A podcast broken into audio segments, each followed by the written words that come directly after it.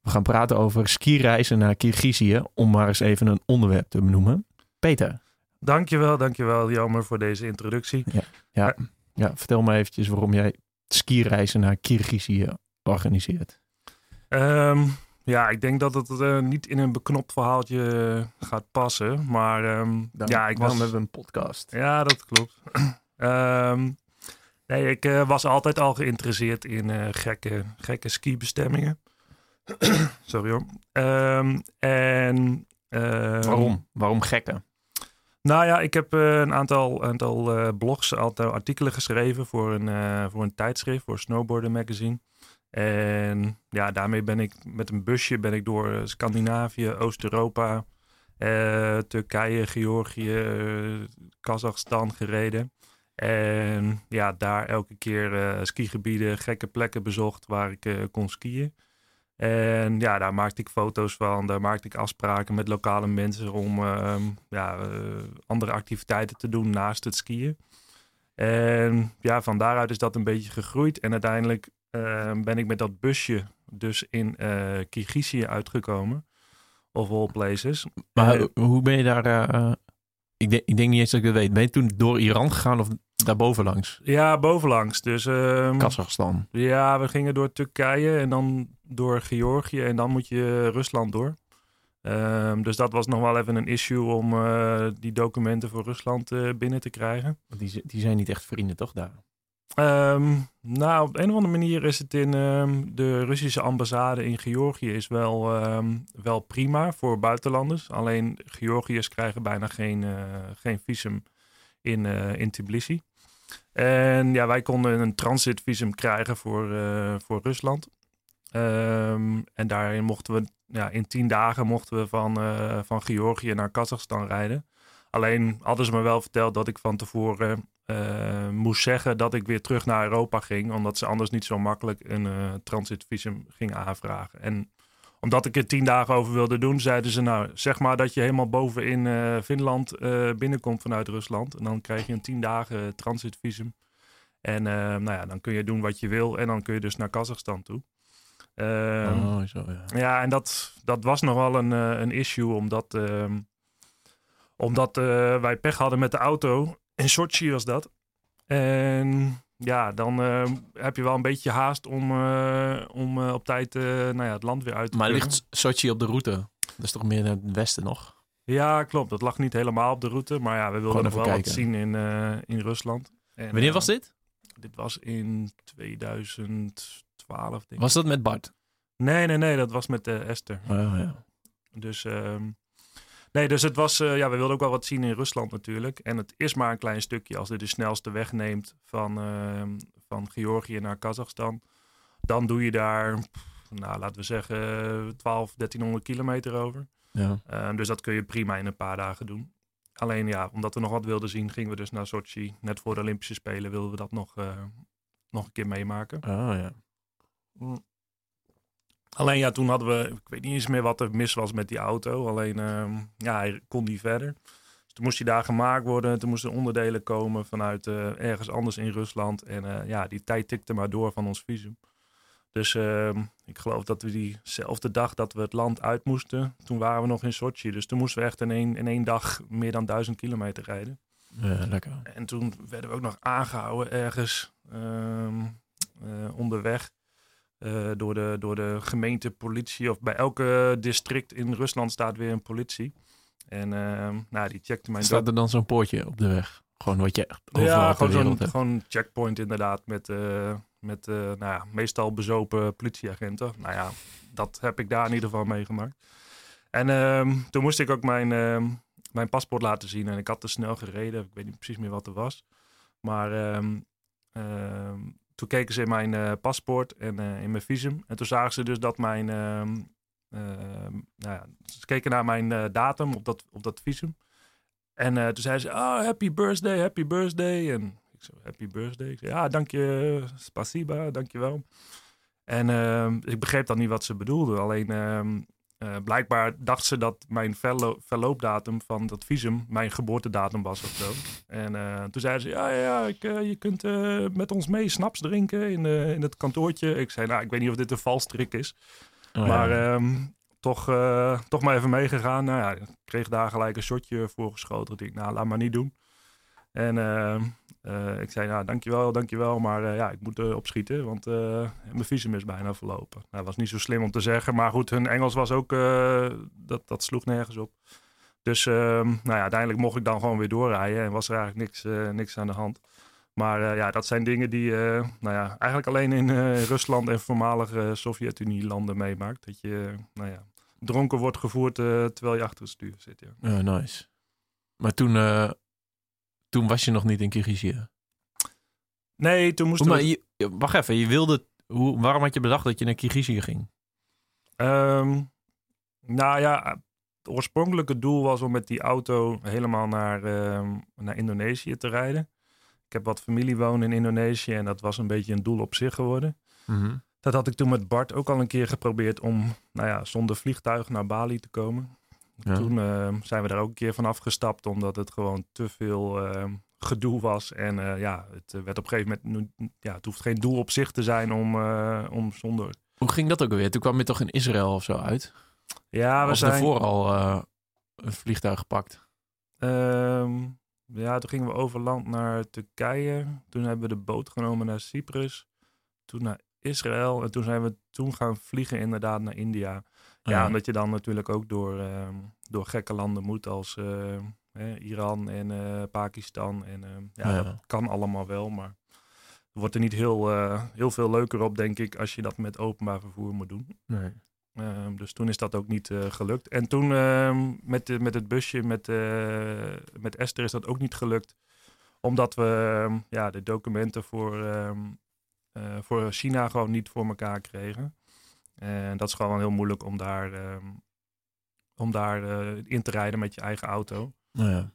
Ehm, je hebt ehm, het, eh, ja, een Chinees rijbewijs nodig. Je moet eh, je auto tijdelijk importeren. En, ja. En een gids toch? Moet je toch ook Ja, je aan moet boord hebben? Ja, je moet een, een gids bij je hebben. Ja, of in je auto als je dus alleen gaat. Maar je kunt ook met een groep. En niet een mens, of wel een mens, niet een boekje. Zo'n gids. niet een AWB-gids moet je mee hebben. Nee, nee, je klopt. Ja. Nee, je moet wel echt een, eh, een Chinees bij je in de auto hebben. Ja. Zodat je eh, geen plekken ziet die je niet mag zien. Nou ja. Maar goed, dat, eh, dat werd gewoon hartstikke duur. Dus toen hebben we wel mensen gezocht waarmee we samen in een groep door, door China konden rijden. Alleen, ehm, ja, dat is, dat is toen niet gelukt omdat het ja, gewoon te duur werd. En toen hebben we eigenlijk gekeken waar we, waar we dan wel naartoe konden rijden ehm, voor China, tot China. En nou ja, dat was Kirgizië. Mensen die luisteren, die denken, ik denk niet dat iedereen weet waar het ligt. Nee, ja, Het is een buurland van China, toch? aan de hand van het verhaal kon je misschien wel een beetje opmaken dat het eh, nou ja, tussen Kazachstan of tussen Rusland en, eh, en China ligt. Maar ja, het ligt echt tegen de Chinese grens aan. Tussen, tussen Kazachstan en China eigenlijk. Is het, eh, want het heet soms toch ook Kirgizistan? Is, toch, is het een van de stans? Het is een van de stands inderdaad. Ja, stan betekent niks anders dan het land van in, een, eh, in de Turkse taal. Mhm. Ehm, maar ja, Kirgizië heet Kirgizië. Ja, ik denk omdat het in, eh, in het Russisch ook Kirgizia heet. En ehm, ehm, ja, het is eigenlijk een van de, van de stanlanden die in het Nederlands niet Kyrgyzstan heet. Of eh, niet Stan heet. Ehm, maar ja, waarom dat is, weet ik eigenlijk ook niet. Maar eh, op zich is het wel prettig, want daardoor schrikt het wat minder mensen af om daar eh, naartoe te gaan. Is het dan ook een van de populairste eh, plekken voor Nederlandse toeristen? Of weet je dat niet? Ehm, ja, het is wel de- het meest open land. Dus ehm, ze zijn democratisch. ehm, ehm, eh, ja, er is iets meer vrijheid, persvrijheid en dergelijke. Dus ze, ze zetten ook in op het toerisme. Dus dat, ehm, dat willen ze zeker verder ontwikkelen. Maar ja, de aantallen die daar naartoe gaan is... Ja, ik denk dat het niet eens in eh, het overzicht staat van, eh, van de Nederlandse Toerisme Federatie of iets Terwijl- dergelijks. want je hebt ook ja. geen visum nodig daarvoor. Nee. Nee, het is een van de weinige landen die, eh, die geen visum eh, vraagt om er binnen te komen. Oké, maar je was dus... Oké, we zijn in Rusland in het verhaal. En dan kom je met dat busje moest je dus scheuren naar Kirgizië. Maar dat is uiteindelijk gelukt, neem ik aan. Want je zit nu hier en niet in een Russische cel. Nee, ja, klopt. Nee, dat is eh, net op tijd gelukt. En ehm, nou, dan moet je dus nog een heel stuk door Kazachstan rijden. Wat, waar je niet heel per se vrolijk van wordt. Kazachstan is wel mooi, maar dat is echt alleen het zuiden wat, wat bergachtig is. En het noorden en het midden, dat is steppen. Ja. En eh, ja, er groeit niks, daar leeft niks. Ja, een paar verdwaalde kamelen en, eh, en gasleidingen en olieleidingen die lopen langs de weg. Als er al een weg is, want dat was toen ook niet echt het geval. Dus ja, je rijdt soms 100 kilometer op één dag en dan eh, alleen maar kuilen en, eh, en dergelijke ontwijken. Dus eh, ja, wel een belevenis op zich, ja. Ja, wel, eh, maar dit is, dat land is toch echt fucking groot. Ja, het is het negende land ter wereld. Dus ehm, ja, het is echt immens groot. Dus van, van west naar oost is het volgens mij al 3.000, 4.000 kilometer. Dus het zal ietsje kleiner zijn dan Australië, maar dat, daar kun je het wel een beetje mee vergelijken. Ja. En, eh, maar dat grenst wel aan Kirgizië, toch? Ja, in het, eh, in het zuiden grenst het aan, eh aan Kirgizië. En ook- oké, dan kom je daar aan in Kirgizië. Ja. Wat is, wat is er dan de reden van dat je... Want dat is, dat is 2012. Dus dat is al zeven jaar geleden. Ja.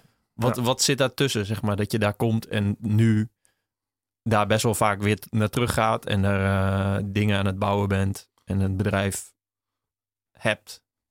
Ja, nou ja, de allereerste keer dat ik in Kirgizië binnenkwam, ik, ik was helemaal fan van Georgië voordat ik in Kir- Kirgizië was geweest. Dus ik had al iets in mijn hoofd van, hey, ik wil iets met Georgië doen. Misschien daar ja, reizen gaan aanbieden of daar zelf wel gaan wonen of iets dergelijks. Wat is daar vet aan dan, Georgië?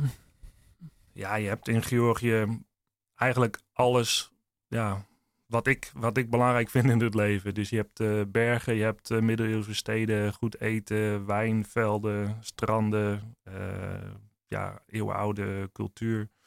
Het is gewoon een land waar, waar het heel relaxed leven is en waar nog een goede mix is tussen eh, ontwikkeling en eh, ja, onderontwikkeling. Dus je kunt daar nog van alles op zetten, maar als je wel iets zoekt wat luxe of eh, wat westerse invloeden, dan vind je dat daar ook. Dus ja. Ja. dat vond ik daar wel prettiger dan bijvoorbeeld in Kirgizië, waar het wel... Je gaat daar echt heen voor de, voor de natuur, voor ja, de, de bergen, voor de, voor de meren, rivieren. Het is echt fantastisch. Mhm. Ehm, maar goed, toen ik voor het eerst Kirgizië binnenkwam, ik, ik zal je even een anekdote vertellen hoe we daar eh, binnenkwamen. Want Kazachstan was echt heel streng. Daar moest je toen nog een visum voor hebben. En ja, dan moet je dus vanuit Zuid-Kazachstan moet je, moet je naar Kirgizië toe. Ehm, en ja, die, die, grensovergang was gewoon heel lastig. Eh, mensen deden moeilijk in Kazachstan. Van, eh, je hebt niet geregistreerd je visum of iets dergelijks. En we mochten eerst bijna het land niet uit, want we moesten weer terug naar Almaty om een of andere stempel te krijgen. En, nou, moeilijk, moeilijk. En uiteindelijk eh, met een beetje doorzeuren. Ja, ik heb eigenlijk niet betaald volgens mij om daar die grens over te gaan. Maar ja, het was wel, het duurde gewoon heel lang. En dan kom je Kirgizië binnen en ehm, we hadden dus een busje en die zat vol met, ja, er zat een bed in en allemaal eh, kampeerspullen en weet ik wat allemaal. En toen kwam er een gast aanlopen, een uh, douanier.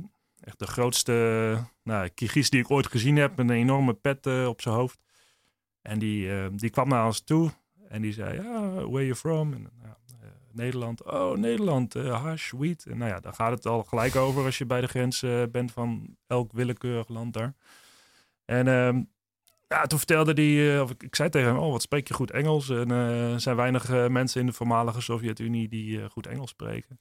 Zei, ja, ja, ik ben in Amerika geweest en, ehm, en weet je wat ik zo mooi vond aan, eh, aan Amerika? Ik zei, ja, ik zou het niet weten, joh. Hij zei, ja, de BMW. De BMW? Ja, not, not the car, but the, the women. De women? Ja, ik had echt geen flauw idee waar hij het over had. Toen zei hij, uh, ja, de BMW, Big Mexican Women. En hij, hij deed alsof hij een vrouw op de kont sloeg. En uh, nou ja, ik denk, huh, dit gesprek gaat echt heel ergens anders uh, naartoe. Toen moest ik mijn paspoort geven en die gast die kijkt niet eens naar waar ik vandaan kom. Maar doet ergens willekeurig de paspoort open, zet er een stempel in en... Welkom to Kyrgyzstan. Nou, dan wilde hij die auto nog even zien. Dan zegt hij, joh, heb je nog, nog hash of wiet bij je? Ik zei ja, onder mijn bed uh, heb ik een heel uh, vakje waar, uh, waar mijn wiet en hash zit. Oh, no problem, mister. You see these fields? It's full of hash and wheat. Welcome to Kyrgyzstan.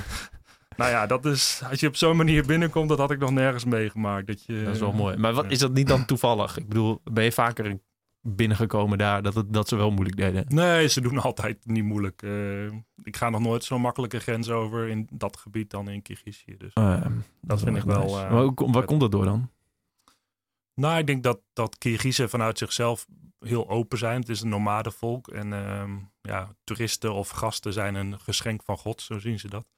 Dus ja, ja zij willen heel graag hun land uh, laten zien aan, aan andere mensen. En zeker als je uit, uh, uit Europa of uh, Amerika komt. Maar die andere landen dan? Is dat niet zo dan? Is het, dit het enige nomadenvolk daar? Hoe, hoe zijn die andere? Want je hebt Tajikistan, Turkmenistan. Ja, en eigenlijk is het enige land wat, wat, wat ik zei, wat democratisch is. De andere landen zijn, uh, ja, een, een, dictator is daar altijd aan de macht geweest. dus um, ja, dat, die mensen zijn veel meer onderdrukt en, um, en, en ja, beschermd tegen, tegen invloeden van buitenaf. Dus ze hebben ook minder te maken gehad met toeristen, met buitenlandse invloeden. Oh ja. Dus ik denk dat dat er wel iets mee te maken heeft. En um, ja, sowieso qua ontwikkeling loopt Kirgizië wel achter, zeker met vergeleken met Kazachstan, waar veel oliegeld is, in Oezbekistan, waar veel oliegeld is. Dus ja, ze hebben ook niet heel veel anders dan uh, hun land en hun schoonheid van, uh, van de natuur. Om, uh, maar wat hebben ze dan? Ze hebben vooral bergen. Het is toch vooral, het ligt toch heel hoog? Ja, het ligt, ehm, ik geloof dat iets van 90% boven de 3000 meter ligt van, van Kirgizië. Mm -hmm. Dus je hebt in het noorden één ja, vlak gedeelte, maar dat ligt ook nog steeds op, op 700, 800 meter. En de rest zijn gewoon enorme, enorme bergen. De Tian Shan gebergte en uh, uitloper van de, van de Himalaya. Dus ja, die bergen gaan daar tot uh, 7500 bijna. Dus ja, het is, uh, het is echt een heel bergachtig gebied. Ja. Mm -hmm. Oké, okay. en, uh, en toen kwam je daar binnen. Toen, maar toen had je nog niet bedacht toch dat het het eindpunt zou zijn van die, van die trip? Ja, toen wel. Want we wisten toen al dat we niet naar China zouden gaan. En ik wist eigenlijk ook al dat ik niet weer terug over die slechte wegen in Kazachstan wilde rijden. Dus dan had ik zoiets van, nou, misschien dat ik die, uh, dat busje maar ergens moet gaan zien te verkopen in uh, Kirgizië. Ja. Dus we gingen eigenlijk naar het meest oostelijke punt van Kirgizië. Um, wat best wel een, um, een, een toeristische trekpleister is. En daar hebben we ja, rondgekeken, zijn we de hoogtepunten gaan bekijken. En ja, toen kwamen we dus een, een, een, jongen tegen. Of ik ging naar een garage toe en ik zei van goh, uh, weten jullie misschien of er mensen geïnteresseerd zijn om een auto te kopen uit, uh, uit Nederland? En uh, nou, die vent die ging aan het bellen. Er kwamen vier, vijf mensen langs om even te kijken. En nou ja, het was echt een soort marktplaats op zijn Kirgizisch. En toen kwam er één gast aan en met een hond. En die zei, ja, this, this is my car. Ik zei, wil je de prijs niet weten of zo? ja, maakt me niet uit, ik zei, oké, prima. Nou ja, toen hebben we gewoon een beetje gediscussieerd en uh, veel gelachen ook. En uh, nou ja, uiteindelijk is dat de, ja, de jongen geweest waarmee ik nu samenwerk in Kirgizië. En uh, zo zie je maar dat, dat het heel toevallig dingen bij elkaar kunnen komen.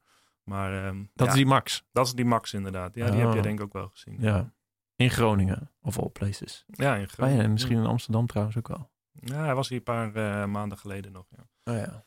Maar ja, toen, uh, het duurde natuurlijk best wel lang om al dat papierwerk in orde te krijgen in, uh, in Kirgizië. Uh, we moesten terug naar de hoofdstad, daar de auto naar een keuring laten doen. En ondertussen zijn wij familie leren kennen, zijn vrienden. We sliepen bij familie thuis. En ja, dat heeft allemaal wel, nou, ik denk anderhalve week, twee weken geduurd. Dus ehm, ja, dan, dan bouw je wel een band op met die mensen. En hij had dus al een kleine skiverhuur in dat dorpje waar wij, uh, waar wij toen waren. Ja, dat was, was gewoon een zeecontainer met een aantal uh, hele oude skis uh, nou ja, die hier in de prullenbak zou gooien. En ja, hij wilde die auto dan ook gebruiken om skis vanuit dat dorpje naar dat skigebied daar vlakbij te brengen. Um, ja, zodat hij daar meer geld mee kon verdienen. Oh ja. En nou ja, zo is het contact een beetje ontstaan. Ook ja, dat, dat hij al iets deed met, uh, met wintersport. En ook met, uh, uh, met het begeleiden van, van mensen. Hij begeleidde al mensen in de, in de bergen. Hij was ja, een soort Sherpa voor, voor bergbeklimmers.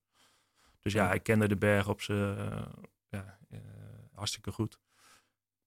En ja, in de winter gaf hij ook skiles. Dus ja, het was wel, uh, zo kwam het een beetje bij elkaar. Maar goed, toen hadden we nog nooit bedacht dat ik daar iets zou gaan doen met wintersportreizen. Jullie waren met z'n tweeën, maar jullie waren ja, eigenlijk vooral aan het reizen, toch? En uh, zo nu en dan wat aan het schrijven. Ja. Ja, klopt. Ja. Het was meer een werk, uh, nou, vakantie. Zoveel heb, heb, ik niet hoeven werken. Maar uh, ja, het was wel gewoon reizen met een doel. Want ik vind reizen leuk, maar ik vind het ook leuk om nou, een doel te hebben wat je, wat je kunt nastreven tijdens zo'n reis. Ja, ja. ja precies. Oké, maar hoe, en, en hoe gaat dat dan verder? Ik bedoel, dan ben je daar twee weken, leer die mensen kennen.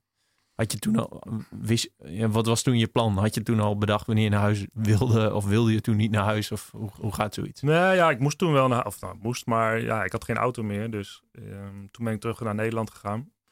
En ja, ik wilde ook alweer een baan uh, gaan vinden in Nederland. Dus ik heb toen gesolliciteerd. En toen kwam ik bij, uh, ja, bij Biz uit. Dat is een, een wintersport tour operator. En daar heb ik een aantal jaar voor gewerkt. En ja, zodoende kwam ik natuurlijk ook veel in aanraking met, uh, met de wintersport. En uh, ik, ik, was inkoper, dus ik kocht accommodaties, skipassen, vliegtickets in. En ja, de, toen leerde ik ook veel mensen kennen die, die een skivuur hebben in Frankrijk voornamelijk. En nou ja, toen heb ik tegen Max gezegd, die jongen uit Kirgizië, hey, ik kan je misschien wel helpen om wat betere skis te regelen. Nou ja, toen heb ik een keer een, een lading skis overgenomen uit, uh, uit Frankrijk. En naar hem toegestuurd. En nou, toen ben ik zelf een keer in de winter naar Kirgizië gegaan om, uh, om mijn wintersport te doen. En nou ja, vandaar is het een beetje ontwikkeld. Hij is een keer naar Nederland gekomen. Ik ging nog een keer daar naartoe in de winter. Nou, toen gingen we eigenlijk een beetje serieus nadenken van... hey, kunnen we niet gasten hier ook gaan brengen? Want ja, de faciliteiten zijn er op zich. er is een skigebied. Ehm, wat niet heel groot is, dus mensen gaan daar niet een hele week uh, skiën natuurlijk. Maar ja, je kunt daar wel allerlei andere dingen doen naast het skiën. Dus zo is het een beetje ontstaan van, hey, kunnen we iets doen met wintersport en dan andere activiteiten daarnaast, waardoor je toch op wintersport gaat, maar ook aan het reizen bent. En ik mis dat soms wel eens tijdens de wintersport, dat ik het idee heb dat ik alleen maar naar boven ga met de lift en naar beneden ski en dat een hele week lang. Ja, ik wintersport dus niet. En iedereen zegt altijd tegen mij van, joh, dit, ah, is wel echt wat voor jou. Jij zegt het ook wel best wel vaak. Ja, het is wel echt wat voor jou. Maar en dat is het misschien een beetje wat mij uh, tegenhoudt. Is dat ik, ja, ik, het, is, het, het is niet echt charmant of zo om naar Frankrijk te gaan. Naar een plek waar iedereen, uh, ja, ik weet niet of ze daar ook schnitzels vreten. Maar gewoon, nou. gewoon de berg op gaat, eraf gaat. Mm -hmm. En dan dat de hele dag doet. En dan weet je gaat hossen. En dan de volgende dag dat weer. Ik bedoel, ja, dat is, ik, kijk, ik bedoel, ik vind skateboarden ook vet. Dus ik, waarschijnlijk vind ik snowboarden ook vet. Maar dat is het dan. Ja, nou ja, dat snap ik wel. Maar het is wel een beetje, als je op wintersport gaat, wat ik altijd ervaar als ik uh, in Oostenrijk of Frankrijk ben. Je bent echt wel in een andere wereld. En uh, besneeuwde bergtoppen. En je bent heel ver weg van ja, het dagelijkse stadsleven, zeker hier in Amsterdam. Um, dus dat, dat vind ik heel prettig. Plus je bent de hele dag buiten. Als je als je soms op een, op een zomervakantie gaat, ja, dan lig je de hele dag op het strand. Die gaat een keer een stadje bezoeken. En ja, dat is het ook wel een beetje. Dus ik vind uh, een wintersportvakantie wat dat betreft veel leuk. Je bent veel actiever bezig. Je bent buiten. Je, mm uh, je doet iets sportiefs. En uh, ja, bovendien, als je dan s'avonds, zeker in Oostenrijk, nog een beetje op stap kan, is dat natuurlijk wel gezellig. Ja. Ja, maar, ja, maar misschien, ik ben dus, ik probeer dus bij mezelf erachter te komen waar, waarom ik het wel vet vind, maar het echt, nu ik 33 ben, nog nooit heb gedaan. Ja. Maar misschien omdat het maar te weinig dimensies heeft. Ja, nou misschien omdat, kijk, ik denk dat jij wel heel erg geïnteresseerd bent in uh, geografie, reizen, uh, dingen, plekken ontdekken. Ja, dat het voor jou misschien iets te weinig voelt als een plek ontdekken als je één week op één plek zit en daar gaat skiën. Ja, ik weet niet wat, ja. wat, wat daar uh, misschien is dat het ja, jouw beperkende gedachte in is, maar ja. Ik denk dat je het gewoon een keer moet ervaren. Jan. Ja, dat is wel. Eigenlijk ja. kan ik er niks over zeggen.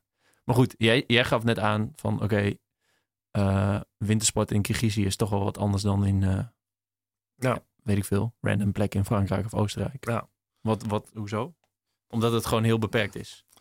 Nou ja, om een vergelijking te maken, het skigebied in Kirgizië heeft 25, 30 kilometer piste. Um, en een, ja, een doorsnee skigebied waar je naar Oostenrijk of Frankrijk naartoe gaat, ja, dan ga ik in ieder geval altijd al naar een skigebied wat minimaal 200 kilometer piste heeft. Dus ja, daar kun je een week prima van maken in die landen. Maar in Kirgizië lukt dat niet. Dus dan moet je kijken wat je daar omheen kan organiseren. Om het wel interessant te maken voor ja, mensen uit Nederland die daar op wintersport willen. Ja. Dus ja, zodoende ga je dan kijken in die omgeving. hey, wat, wat kunnen we daar dan, dan aan toevoegen?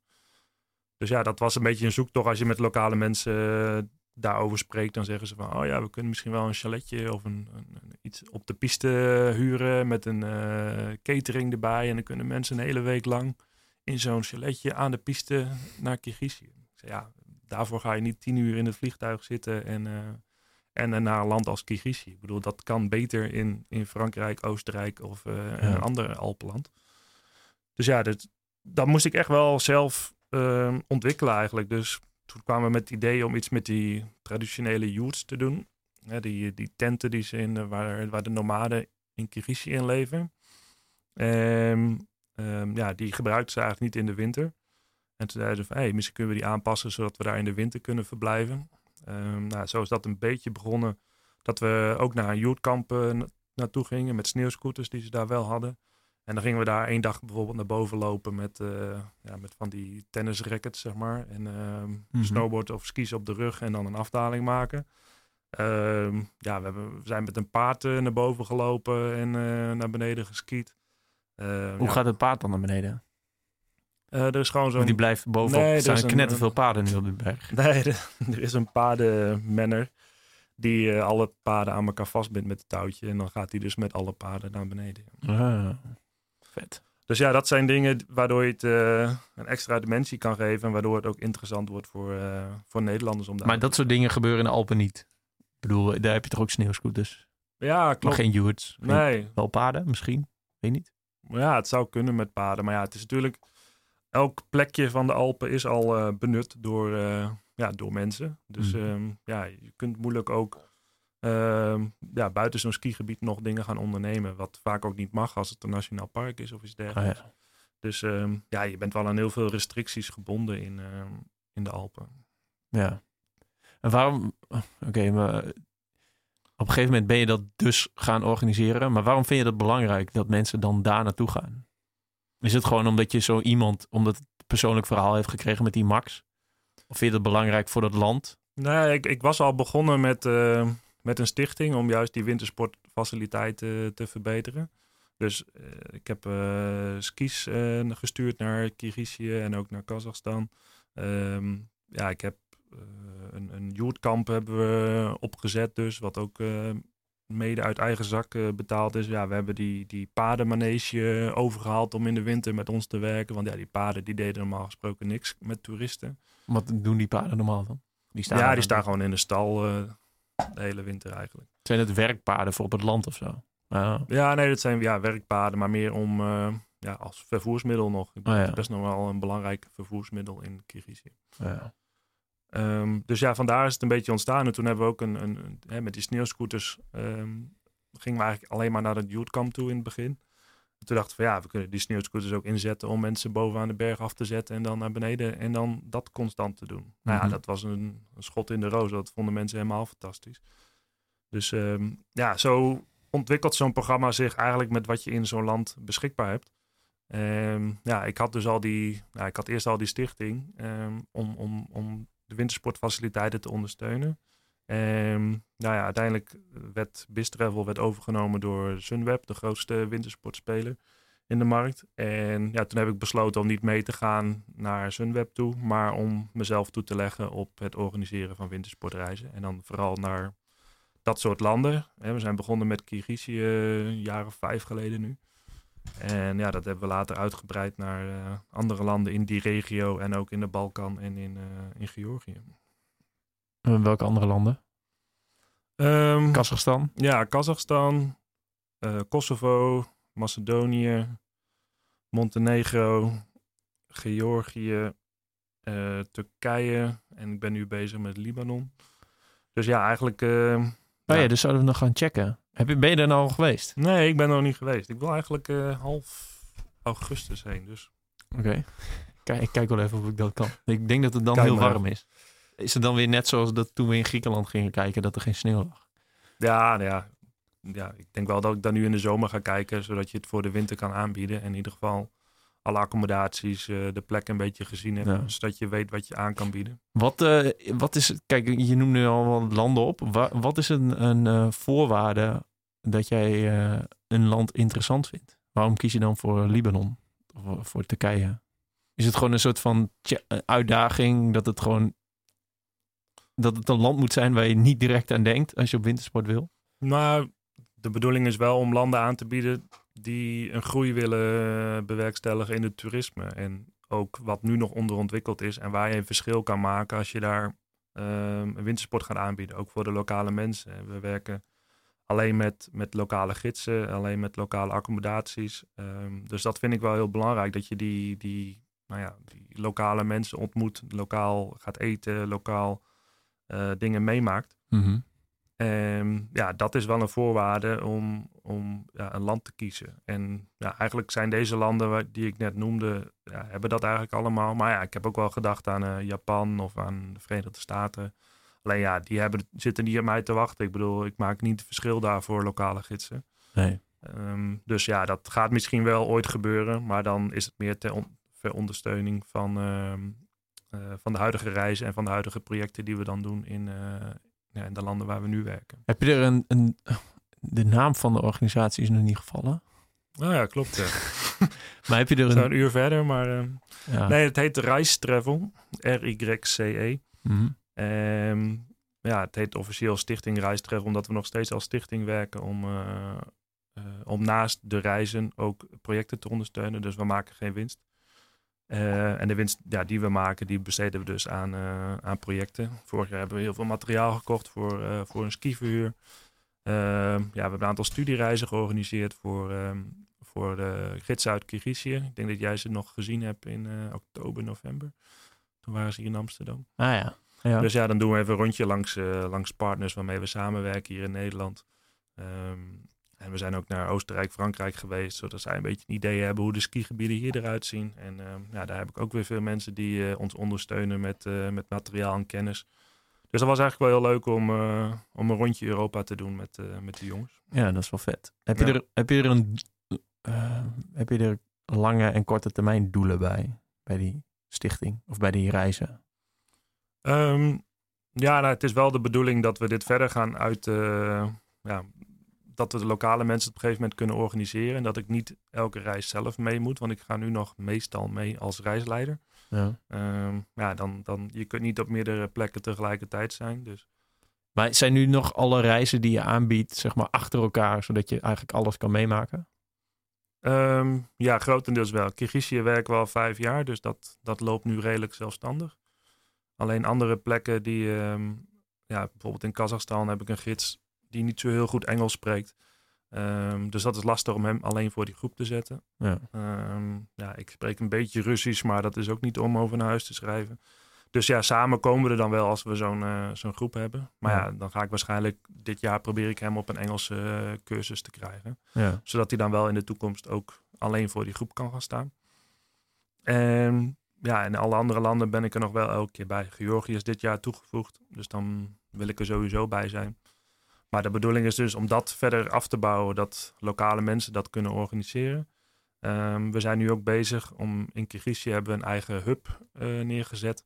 Wat een skiverhuur is, een cafeetje, een hostel, uh, alles in één. Mm -hmm. Dat hebben we gewoon met een paar zeecontainers omgebouwd en uh, heel low skill. Maar dat is ook juist wel hoe ik het voor me wil zien. Um, maar kunnen mensen daar ook gewoon los naartoe gaan, zeg maar? En dan... Ja, ja, ik, uh, het komt ook gewoon op booking.com. Je kunt daar een, uh, een tent boeken om te, uh, om te slapen. Kost het? Vijf dollar per nacht. ja, goede prijs. Ja, geen geld. Ja. Um, dus dat probeer ik wel in meer landen ook op te zetten. Dat we echt een hub creëren waar uh, reizigers, lokale mensen bij elkaar kunnen komen. een biertje kunnen doen, koffie kunnen drinken. Informatie kunnen vinden over, over reizen, over skigebieden. Maar over het, het werkt elkaar natuurlijk wel een beetje tegen of zo. Dat je je wil het met lokale mensen doen. Maar tegelijkertijd, als je overal een hub wil neerzetten, dan ben jij weer die reisorganisatie die zeg maar zijn tentakels Nee, uitspreidt. maar ik, ik, dat gaat niet vanuit, uh, vanuit reistravel. Dat doen zij echt zelf. Dus uh, ik ondersteun ze alleen met, nou ja, met een investering vanuit de stichting. Ja. En zij moeten dat zelf gaan runnen ter plaatse. Dus het is niet dat dat uh, vanuit onze westers, westerse gedachten wordt opgezet. Hoe, hoe is de verhouding tussen, dat je, tussen deze dingen doen omdat je het zelf vet vindt. En um, eigenlijk aan mensen wil laten zien van, joh, er is meer dan dan de, de standaard reis. Ja, Hoe, hoe, hoe, zie jij als het, hoe zie jij dit als een soort missie in je leven? Nou ja, ik denk dat reizen sowieso een hele goede leerschool is voor je. En, maar niet alleen voor jezelf, maar ook voor mensen ter plaatse. Zeker als je dus met lokale mensen gaat werken. Dat zij ook ja, doorkrijgen of horen hoe het eh, in Europa eraan toe gaat. Wat, wat, wat onze denkwijzes zijn. En, en ja, ik vind dat wel heel belangrijk dat je dus de wereldwijde ja, eh, kennis van elkaar kunt, eh, kunt verbeteren. Mhm. En ja, zo heb ik dat ook op de website gezet. Eh, nou ja, ik heb dit zelf ooit een keer, kwam het in mijn hoofd op, dus dat heb ik op de website gezet. Maar ik heb gezegd als motto, de wereld is van ons, maar wij zijn ook van de wereld. Zolang je de wereld niet kent, weet je ook niet wie je bent. Ah, mooi gezegd. Ja. Maar ehm, ja, dat is wel een beetje waar ik, ehm, waar ik voor sta. Ik ehm, ja, vind het belangrijk dat, ja, dat we meer te weten komen over de wereld. En het liefst door reizen. Maar ja, ik, eh, dat kan ook door, eh, doordat zij hier op studiereis komen, dat zij hier dingen leren. En nou, dat, dat, ik leer zoveel van die mensen. En ja, zij ook van mij natuurlijk. Maar ehm, het is niet zo dat, dat wij met onze westerse eh, mindset daar moeten komen en het allemaal wel beter weten. Nee, ik wil het echt bij hun, eh, de, de, de verantwoordelijkheid ook gr- grotendeels bij hun eh, leggen. Zodat ze het ook veel meer gemotiveerd zijn. Dus ja, Mhm. dat, dat ja. Hoe kom je in contact met, eh, ehm, met als je bijvoorbeeld naar Libanon gaat? Daar, heb je, daar organiseer je nog geen reizen naartoe. Mhm. Dus hoe, hoe pak je dat aan? Neem je het vliegtuig daar naartoe en ga je gewoon aankloppen bij mensen? Heb je altijd een ingang ergens? Bedenk je zelf van, oh, dit land is vet. Gooi je met een dartpijl op een bord? Hoe, hoe, werkt zoiets? Nee, ja, het, het werkt eigenlijk grotendeels per toeval. Het is, eh, ik heb wel een aantal bestemmingen in gedachten waar ik eh, zou willen uitbreiden. En dan hou ik mijn tentakels daar wel een beetje voor open. En ondertussen gaan er zoveel mensen mee tijdens die reizen dat je ook eh, via via wel wat dingen hoort. Maar heel toevallig, eh, je begint over Libanon, maar ik was paar weken geleden in Oostenrijk. Na de après-ski ging ik nog naar beneden met de lift. En eh, ik, ik stond, eh, ik was met een busje en er, kwamen een paar jonge lui naar me toe en die begonnen in het Frans in Oostenrijk. Ik zei, nou ja, het zal wel. Maar die wouden een lift hebben naar een dorpje verderop. Ik zei, ja, sorry man, ik heb eh, een klein busje, er kunnen maar eh, twee mensen naast me zitten en jullie zijn met z'n zeven of zo. Dus eh, nou ja, oké, geen probleem, geen probleem. Ik vroeg, ah, waar komen jullie dan vandaan? Ja, we komen uit Libanon eigenlijk. Zei, oh, hey, dat is toevallig. Ach, ik, eh, Ga dan, ga dan maar wel met z'n zevenen mee. Nee, nou, dan moeten ze achter in, de, in die bus eh, staan. Maar ehm, ja, dan, dan raak je met ze in gesprek. En toen toevallig eh, een gast die verderop stond, die heeft geskiet voor de wereldbeker voor Libanon. En zijn vader heeft dus gelet op de piste en ehm, Oh ja. eh, een skischool. En eh, die jongen wilde ook juist net zoiets gaan opstarten om eh, westerse toeristen te trekken. Nou, dan kwam het gewoon heel toevallig uit. En nou ja, we hebben het telefoonnummer gehad en daarna nog een keer afgesproken. En dat klikte supergoed. En eh, ja, nu ga ik dus met hem naar Libanon eh, over een paar weken. Maar hij woont daar dus nog steeds. Hij woont daar nog steeds inderdaad. Dus, Ja. Wat is, hoe, ik kan me er natuurlijk niks mee voorstellen, want ik weet niks van de wereld. Maar hoezo is er sneeuw in Libanon? Wat voor gebergte heb je daar? Ehm, nou, zeker in het oosten van, eh, van Libanon ehm, ja, heb je bergen die tot meer dan 3000 meter gaan. Dus je kunt vanaf de Middellandse Zee naar, naar die bergen, daar rij je misschien drie kwartier een uurtje over. En dan eh, zit je dus in besneeuwde bergtoppen. En ehm, ja, het is eigenlijk de beste plek in het Midden-Oosten om te skiën. In Israël heb je ook nog een klein skigebied. En eh, in Irak zijn ze nu bezig met een skigebied. Maar ja, wil je echt serieus... eh, Maar dat is wel maken? vet. Wat, de- kun je iets meer vertellen over skiën in Irak? Ehm, ja, in Koerdistan dus... ik denk dat de titel van de podcast wordt skiën in Irak. Daar gaat iedereen op klikken. Wat? nou, in Koerdistan? Ja, Koerdistan. Ah, ja, ja. Koerdistan. Maar ehm, ja, daar is het relatief veilig. En ehm, ehm, zijn ze al wat langer bezig om, eh, om toeristische faciliteiten te ontwikkelen. Ik geloof dat Transavia zelfs eh, een pootje vloog rechtstreeks vanaf Amsterdam naar eh, Erbil in, in Irak. Oké. En nou, daar hebben ze nu een gondel gebouwd. Maar de sneeuwval is daar niet serieus. Dus het gaat niet echt van de grond komen, denk ik. Ik bedoel, het is meer leuk voor de locals om een keertje één afdaling te maken. Dus een serieus skigebied zal daar niet komen. Maar ja, in, in Libanon dus wel. Daar heb je meer dan 100 kilometer piste. En ehm, ja, echt goed ontwikkeld wel door eh, ja, in de Franse, in de periode van de Franse overheersing nog. Ja. Maar dat is best wel lang geleden. gestopt, toch? Ik bedoel, eh, dan als het... Ja, natuurlijk. Alleen die faciliteiten, die wegen, uh, die liften, oh, de wegen er wel. Ja. En uh, ja, het is maar een klein land, dus en er wonen best wel wat mensen. Um, dus ja, je kunt vanaf Beirut in, in een uurtje op de skipiste staan. En dat is wel een unieke combinatie. Dus ja, het is niet per se zo dat ik naar locaties zoek die echt onderontwikkeld zijn en uh, nou, waar je lokale mensen kan helpen. Het kan ook zijn, Libanon is best wel duur, dat we daar gewoon een reis organiseren en de winst die we daarmee maken kunnen we weer besteden in ja, een land precies, als Kirgizië of Georgië. Zoals je dat misschien ook in de Verenigde Staten of Japan wil doen. Ja, ja. Kun je nog eens wat andere gekke landen noemen waar je kunt skiën waar, waarvan we het eigenlijk niet zouden zeggen? Zuid-Afrika Ehm, kan ook toch? Soms. Ja, dat klopt. In Zuid-Afrika heb je één, eh één sliplift, geloof ik, en, eh, en een besneeuwde piste. In ieder geval kunstsneeuw normaal gesproken, want het is daar heel droog, maar wel koud. Dus ja, je kunt daar wel met kunstsneeuw een piste eh, produceren. Ja. Ehm, en in Lesotho heb je geloof ik ook een skigebied. Maar ja, ook een paar liftjes. Alleen dat stelt eh, allemaal niet zo heel veel voor. Marokko is best wel eh, interessant. Daar valt nog wel redelijk wat sneeuw in het Atlasgebergte. Is dat ook goed te combineren met soort van... Ik, ja, ik bedoel, in de winter, in onze winter is het daar gewoon natuurlijk prima. Ja, klopt. Ik bedoel, eh, ook daar is het wel leuk om een combinatie te maken tussen bijvoorbeeld surfen en, en wintersport. Ja. Dat heb ik ook op mijn agenda staan. Alleen, ja, het is soms wel wat lastig afspraken te maken in, eh, in eh, Marokko daarover. Met het surfen is wat makkelijker, maar met skiën is wat lastiger, omdat er gewoon weinig accommodaties zijn. Het skigebied is klein, dus daar moet je ook weer wat anders bij zien te vinden om eh, in de sneeuw je bezig te houden. Ja. Dus ja, daar zijn we nog mee bezig, maar ja, nog niet helemaal, helemaal rond. Maar ja, je hebt ja, eigenlijk in elk land waar er sneeuw valt, kun je natuurlijk kun je skiën. Zeker als je met tourskis of met een splitboard naar boven gaat. Ehm, dus ja, ik weet zelf dat de mensen in Indonesië eh, zijn wezen skiën op, de, op die hoogste berg daar. Oh ja. Of ehm, ja, waar kun je, zelfs op eh, Sicilië of de Etna kun je, is zelfs een skigebied. Ehm, ja, je kunt het zo gek niet bedenken. Als er sneeuw ligt, dan kun je er op zich skiën. Maar skigebieden zijn er ook best wel in veel gekke landen. Dat is wel En, vet. eh, Kun je in ja. Mexico skiën? Ja, ze hebben ooit een skigebied gehad daar, maar ehm, die is er nu niet meer omdat het gewoon te warm is geworden. Oh ja. Eh, maar goed, daar zou je wel op, de, op die, hè, die hoogste berg, hoe heet die? Popa Cuatol of zo. Ben je ook geweest, toch? ja, klopt. Met die studiereis Ja, inderdaad. klopt. ja. Hoe heet die ook weer? Ja, goeie. Maar goed, daar kun je wel, ehm, eh, zou je wel naar boven kunnen lopen met skis en eh, daar gaan skiën. Maar ja, dat is niet een hele lange afdaling, omdat de sneeuwgrens best wel hoog ligt. Nou ja. Eh, eh,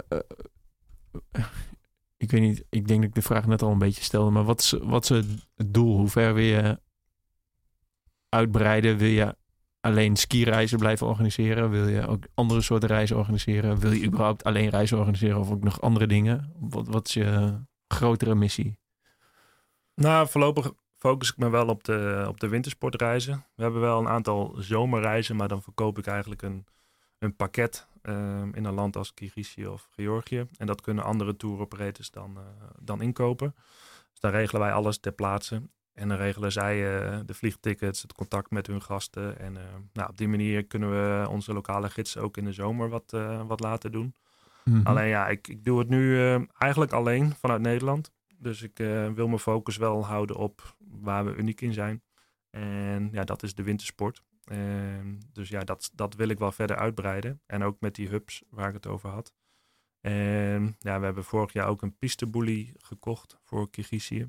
En ja, daarmee, hè, zo'n machine die de, de piste prepareert, daar hebben we een cabine op gezet waar eh 15 personen in kunnen. En dat zou ik ook wel willen uitbreiden in andere landen. Dus je kunt dan met die pisteboelie naar boven rijden, eh, naar de berg, op de berg. En daar Mhm. eh, of piste naar beneden skiën. Dus wat je normaal ook met een, eh weet je dat, sneeuwscooter kan. Of Ja. met een paard, of lopend, Ja. of met tennisrackets. Nou ja, ik zit altijd te kijken op wat voor manier je naar boven kunt eh, eh, op de berg. Met een eh, met, kite, met sneeuwkiten zou natuurlijk nog kunnen. Ehm, Oh ja. ja. je hebt... eh, nou ja, als, je, als, als de luisteraars nog een gekke manier weten om eh, naar boven te komen, dan hoor ik het graag. Nee, ja, sowieso. Ik denk dat als luisteraars mensen kennen die... Ja, ik wil zeggen gekke landen, maar dat, dat is een beetje een, een, beetje een, eh, een Nederlandse insteek. Maar in bijzondere landen Ja. mensen kennen, Ja. dan kunnen ze Ja, dat ja, ook een goed, eh, goed punt inderdaad. Dus ja, probeer wel echt lokale mensen te zoeken. Zoals in Georgië bijvoorbeeld kwam ik in contact met een Amerikaan die daar een skischool runt. Ja, die heb ik toen gewoon gecontact en ik zei, hey, eh, dit is ons plan en eh, zou je ons misschien kunnen helpen met eh, wat lokale mensen vinden? En ja, die vond het zo tof, zo'n tof idee, zo'n leuk concept. Dat hij zei, hey, ik ga mijn best doen om, om wat nou ja, om lokale gids te vinden. Nou ja, binnen no time had hij, had hij een goede gast gevonden. Nou ja, en dat klikt ook gelijk supergoed en daar werken we nu mee, mee samen. Dus ja, je kan ook zijn dat je een internationaal iemand vindt, maar dat die dan weer lokale mensen kent. Ik Ja, ik precies. vind het wel belangrijk dat je dus iets van de lokale mensen Zijn er keurmerken voor, zeg maar, dat je... je jij zegt nu wel van, oké, we werken met lokale mensen. Maar is er iemand die dat controleert? Of moeten mensen jou geloven? Hoe werkt dat, hoe werkt dat bij een stichting? Of maakt dat niet uit? Nee, ja, we hebben geen eh ambi-status als stichting. Ehm, ja, eigenlijk kan iedereen een stichting eh, beginnen als je een bestuur hebt en een, eh, en een duidelijk doel. Ja. Ehm, maar goed, ja, ik, ik vind dat zelf gewoon belangrijk. En als gasten daar ter plaatse komen en, ze, en er is geen eh, lokale gids, dan, dan komen ze natuurlijk vanzelf achter dat het niet zo is. Dus dan eh, Ja, merk je dat wel in de reviews. ja, inderdaad. Maar ehm, ja, dat, ja dat, dat is mijn voorwaarde wel om, eh, om in een land te werken. Wat is het verschil tussen Rise Travel en... en ehm, hoe heette die andere in Nederland nou? Je hebt Joser en zo. Wat ik Mhm. volgens mij, als ik, als ik... Ik weet er niet zo heel veel van, maar in mijn hoofd is dat ook een soort van goed doelachtig... eh, of hebben ze het gewoon goed gebrand? Ja, ik denk niet dat zij als stichting opereren. Er zijn best wel wat reisorganisaties die dat doen. Zeker als je met... eh, Want tegenwoordig wil iedereen natuurlijk off the beaten track. Nou, ja. Maar o- o- in hoeverre... Kijk, de vraag is eigenlijk... eh, in hoeverre gebruiken organisaties dat als een soort van marketing... Mhm. Terwijl ze natuurlijk eigenlijk alles eh, voor de aandeelhouder doen. Ja. Nou ja, klopt. Wij, ja, ik doe het natuurlijk... eh, Zijn er andere stichtingen die vergelijkbare dingen doen... waar jullie mee samenwerken? mm, nee, niet per se stichtingen. Er zijn wel stichtingen die dan reizen aanbieden, maar dan voor een bepaalde doelgroep. Bijvoorbeeld, eh, nou ja, mensen met een bepaalde handicap of eh, iets dergelijks. En dat dat dan het goede doel is om die mensen ook een reis aan te bieden. Ehm, maar niet echt om, om ja, ik, ik ken ze niet. Er zijn er ongetwijfeld die, eh, die ook ontwikkelingsprojecten eh, samenvoegen met reizen. Dat je dus kunt reizen en, en een goed doel kunt ondersteunen of ergens kan helpen of dat soort dingen. Ehm, maar nou, ik denk niet op die manier zoals wij werken. En kijk, zoals een Jozer of een andere grote, grote tour operator, ja, die, die is natuurlijk nog steeds op, eh, op winst gericht. En ja, wij mogen geen winst maken. En dat vind ik eigenlijk wel heel prettig, want ehm, ja, eigenlijk alles wat ik nu meer verdien, kan ik meer steken in lokale, lokale dingen. En daar heeft de lokale bevolking wat aan. En dat vind ik belangrijker dan dat ik er zelf meer aan overhoud. Of, eh, Hoe, eh, maar hoe werkt het in een stichting dan? Ik bedoel, ja, er komt geld binnen dus. Je betaalt jezelf een salaris zodat je je huur kunt betalen. Mhm. Of eh, en dat is het dan. Ja, en soms komt er dan... En je mag geen winst maken, dus als er meer binnenkomt, moet je dat investeren. Ik ben echt Ja. een noob in dit soort Nou ja, klopt. Je mag tot eh 15.000 euro eh, winst maken. Of in ieder geval, dat mag je na een jaar op je bankrekening hebben staan, zeg maar. En Ja, dus, van je bedrijf bedoel je? ja, van de stichting, laat ik zo zeggen. Ja, van de stichting, ja. Ja. Dus als je er overheen komt, ja, dan moet je daar dus belasting over gaan betalen. En als je daar niet overheen wil komen, ja, dan word je eigenlijk wel gedwongen om het te besteden aan nou ja, projecten, doelen die, je die je hebt opgeschreven om na te streven voor je stichting. Ja. Ja. Hoe, wa- hoe, wat is nu het aanbod? Wat doe je nu, zeg maar? Is, hoe, eh, is het jaar nu eh, over? Ja, het jaar is nu net, eh, net afgelopen natuurlijk, de winter, het winterseizoen. Dus op dit moment... Slecht we- moment voor deze podcast, voor de, voor de promotie. Ja, ja, nou ja, het was niet helemaal bedoeld als promotie, denk ik. Je kunt hem ook later uitzenden. Oh ja, ja, ja, goed. ja, ja misschien doe ik dat wel. Precies. We leven nu eh 8 november. ja, nee, het is nu 22 mei. Oh, ja. Dus hoe, hoe ziet zo'n eh, hoe ziet zo'n jaar eruit? Ehm, ja, het is nu natuurlijk eh, de balans opmaken na de afgelopen winter. Ehm, administratie weer in orde brengen. Website ben ik aan het vernieuwen. Nieuwe bestemmingen toevoegen, nieuwe bestemmingen bezoeken. Dus daar zijn we de komende tijd druk mee. Hopelijk eh, kun jij dus nog een tripje meedoen naar, eh, naar Libanon. Ja, zou mooi zijn. Ehm, maar ja, vorig jaar hebben we Georgië toegevoegd. Dat was echt een heel groot succes. En daar, ehm, nou, daar wil ik nog wel meer mee gaan doen. ja, we hebben die pisteboelie gekocht in uh, Kirgizië. We zijn nu in gesprek in Georgië om ook uh, iets dergelijks te doen met een lokale ja, organisatie.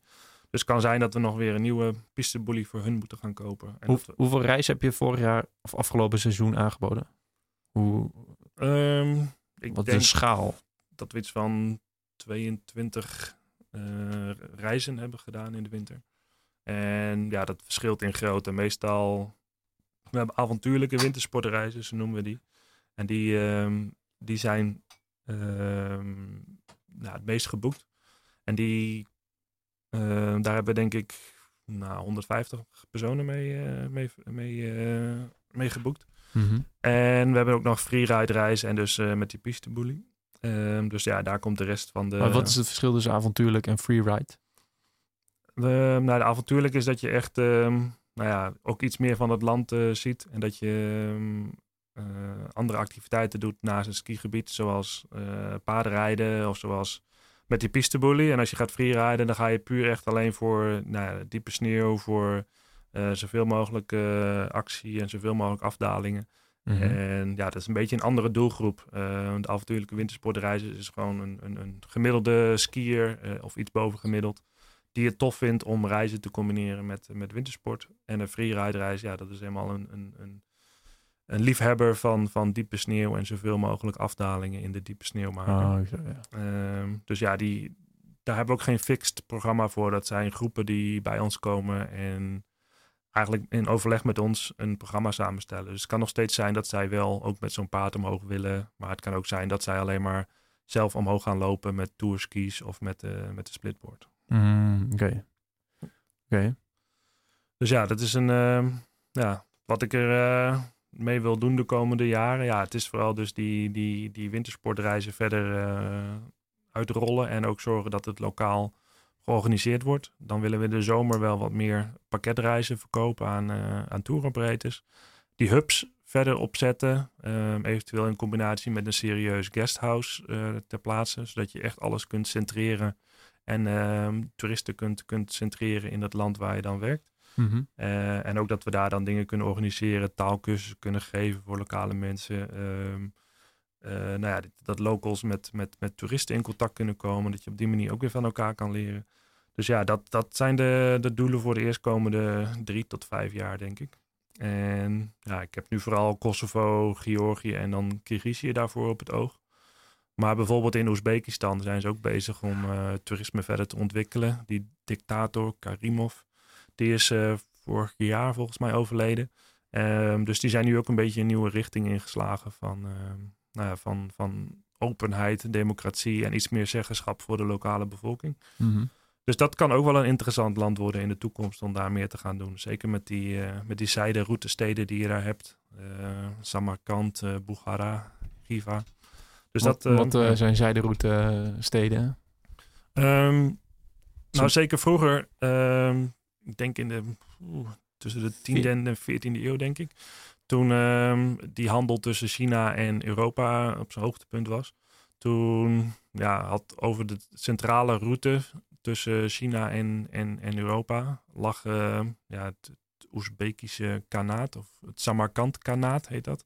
En ja, dat was eigenlijk het rijkste gedeelte van, van, van de hele regio. En de bouwwerken die ze in die tijd hebben gebouwd in de, met, islamitische, met islamitische architectuur is echt ja, heel bijzonder. Van die, van die blauwe, uh, turquoise tegeltjes, helemaal uh, met, uh, moskees die helemaal versierd zijn, enorme poorten, ja, e-, enorm indrukwekkende pleinen. En ja, die zijn heel goed bewaard gebleven. Dus als je daar nu nog komt, het is, ja, ik ben er vorig jaar geweest. Is echt heel, heel indrukwekkend. Mm. Um, verder is er niet zoveel in dat land. Het is best wel droog. Zeker in het westen. En ja, als je dan in één keer uit het niets zo'n zo'n stad ziet oprijzen met, met, met felblauwe koepels. En uh, ja, dat is echt wel heel indrukwekkend. Ja, ja maar dat, is, dat kan nog niet. Of dat of kan eigenlijk sinds kort. Um, was sinds afgelopen zomer hebben ze geen visumplicht meer. Dus nu kun je online een, een, een soort uh, toestemming vragen om uh, naar Oezbekistan te gaan. Alleen um, je hoeft dus niet meer naar een ambassade om dat te doen. Uh, okay. dus dat is de eerste stap. En ze zijn nu bezig ook om een skigebied te bouwen daar. Wat ook wel ja, heel snel kan gaan. Ehm, dus ja, er gebeurt van alles in Oezbekistan. En ehm, zeker in het oosten hebben ze veel, uh, veel bergen en ook wel serieuze bergen tot bijna 4000 meter. Dus daar, dat kan best interessant zijn om daar iets te gaan doen. Ja. En dat ligt, dat ligt weer ten oosten van Kirgizië? Uh, nee, ten of westen. ten westen, ja. Ten, westen, ten oosten ligt de dingen, China. Ja. Oh, oké. Dus het is net, iets, net weer iets lager dan... Ja. Net iets meer uitlopen van de Himalaya. Ja. Heb, je, heb jij contact met overheden ook? Goed contact. Hoe blij zijn ze met de dingen die jij doet? Um, ja, voornamelijk in Kirgizië hebben we wel veel contact. Ook wel met, uh, nou ja, we zijn een paar keer op tv geweest uh, daar. Um, ja, ik ken, ja, ik ken wel mensen die daar in de regering uh, zitten. Heel toevallig was, ehm, ik denk een jaar of vier geleden, toen woonde ik nog in Utrecht. Toen was een, um, ook een lokale Kirgiz die ik daar wel goed ken. Die heeft een eigen worst- en kaasfabriek. En dat is de grootste exporteur ondertussen van, van. En ja, die sliep bij ons op de bank in, uh, in Utrecht. En nou ja, de laatste, de laatste keer dat ik hem sprak, had de president hem gebeld. En die zei van, joh, wil je niet mijn opvolger worden? Wil je niet uh, kandidaat stellen voor de volgende presidentsverkiezingen?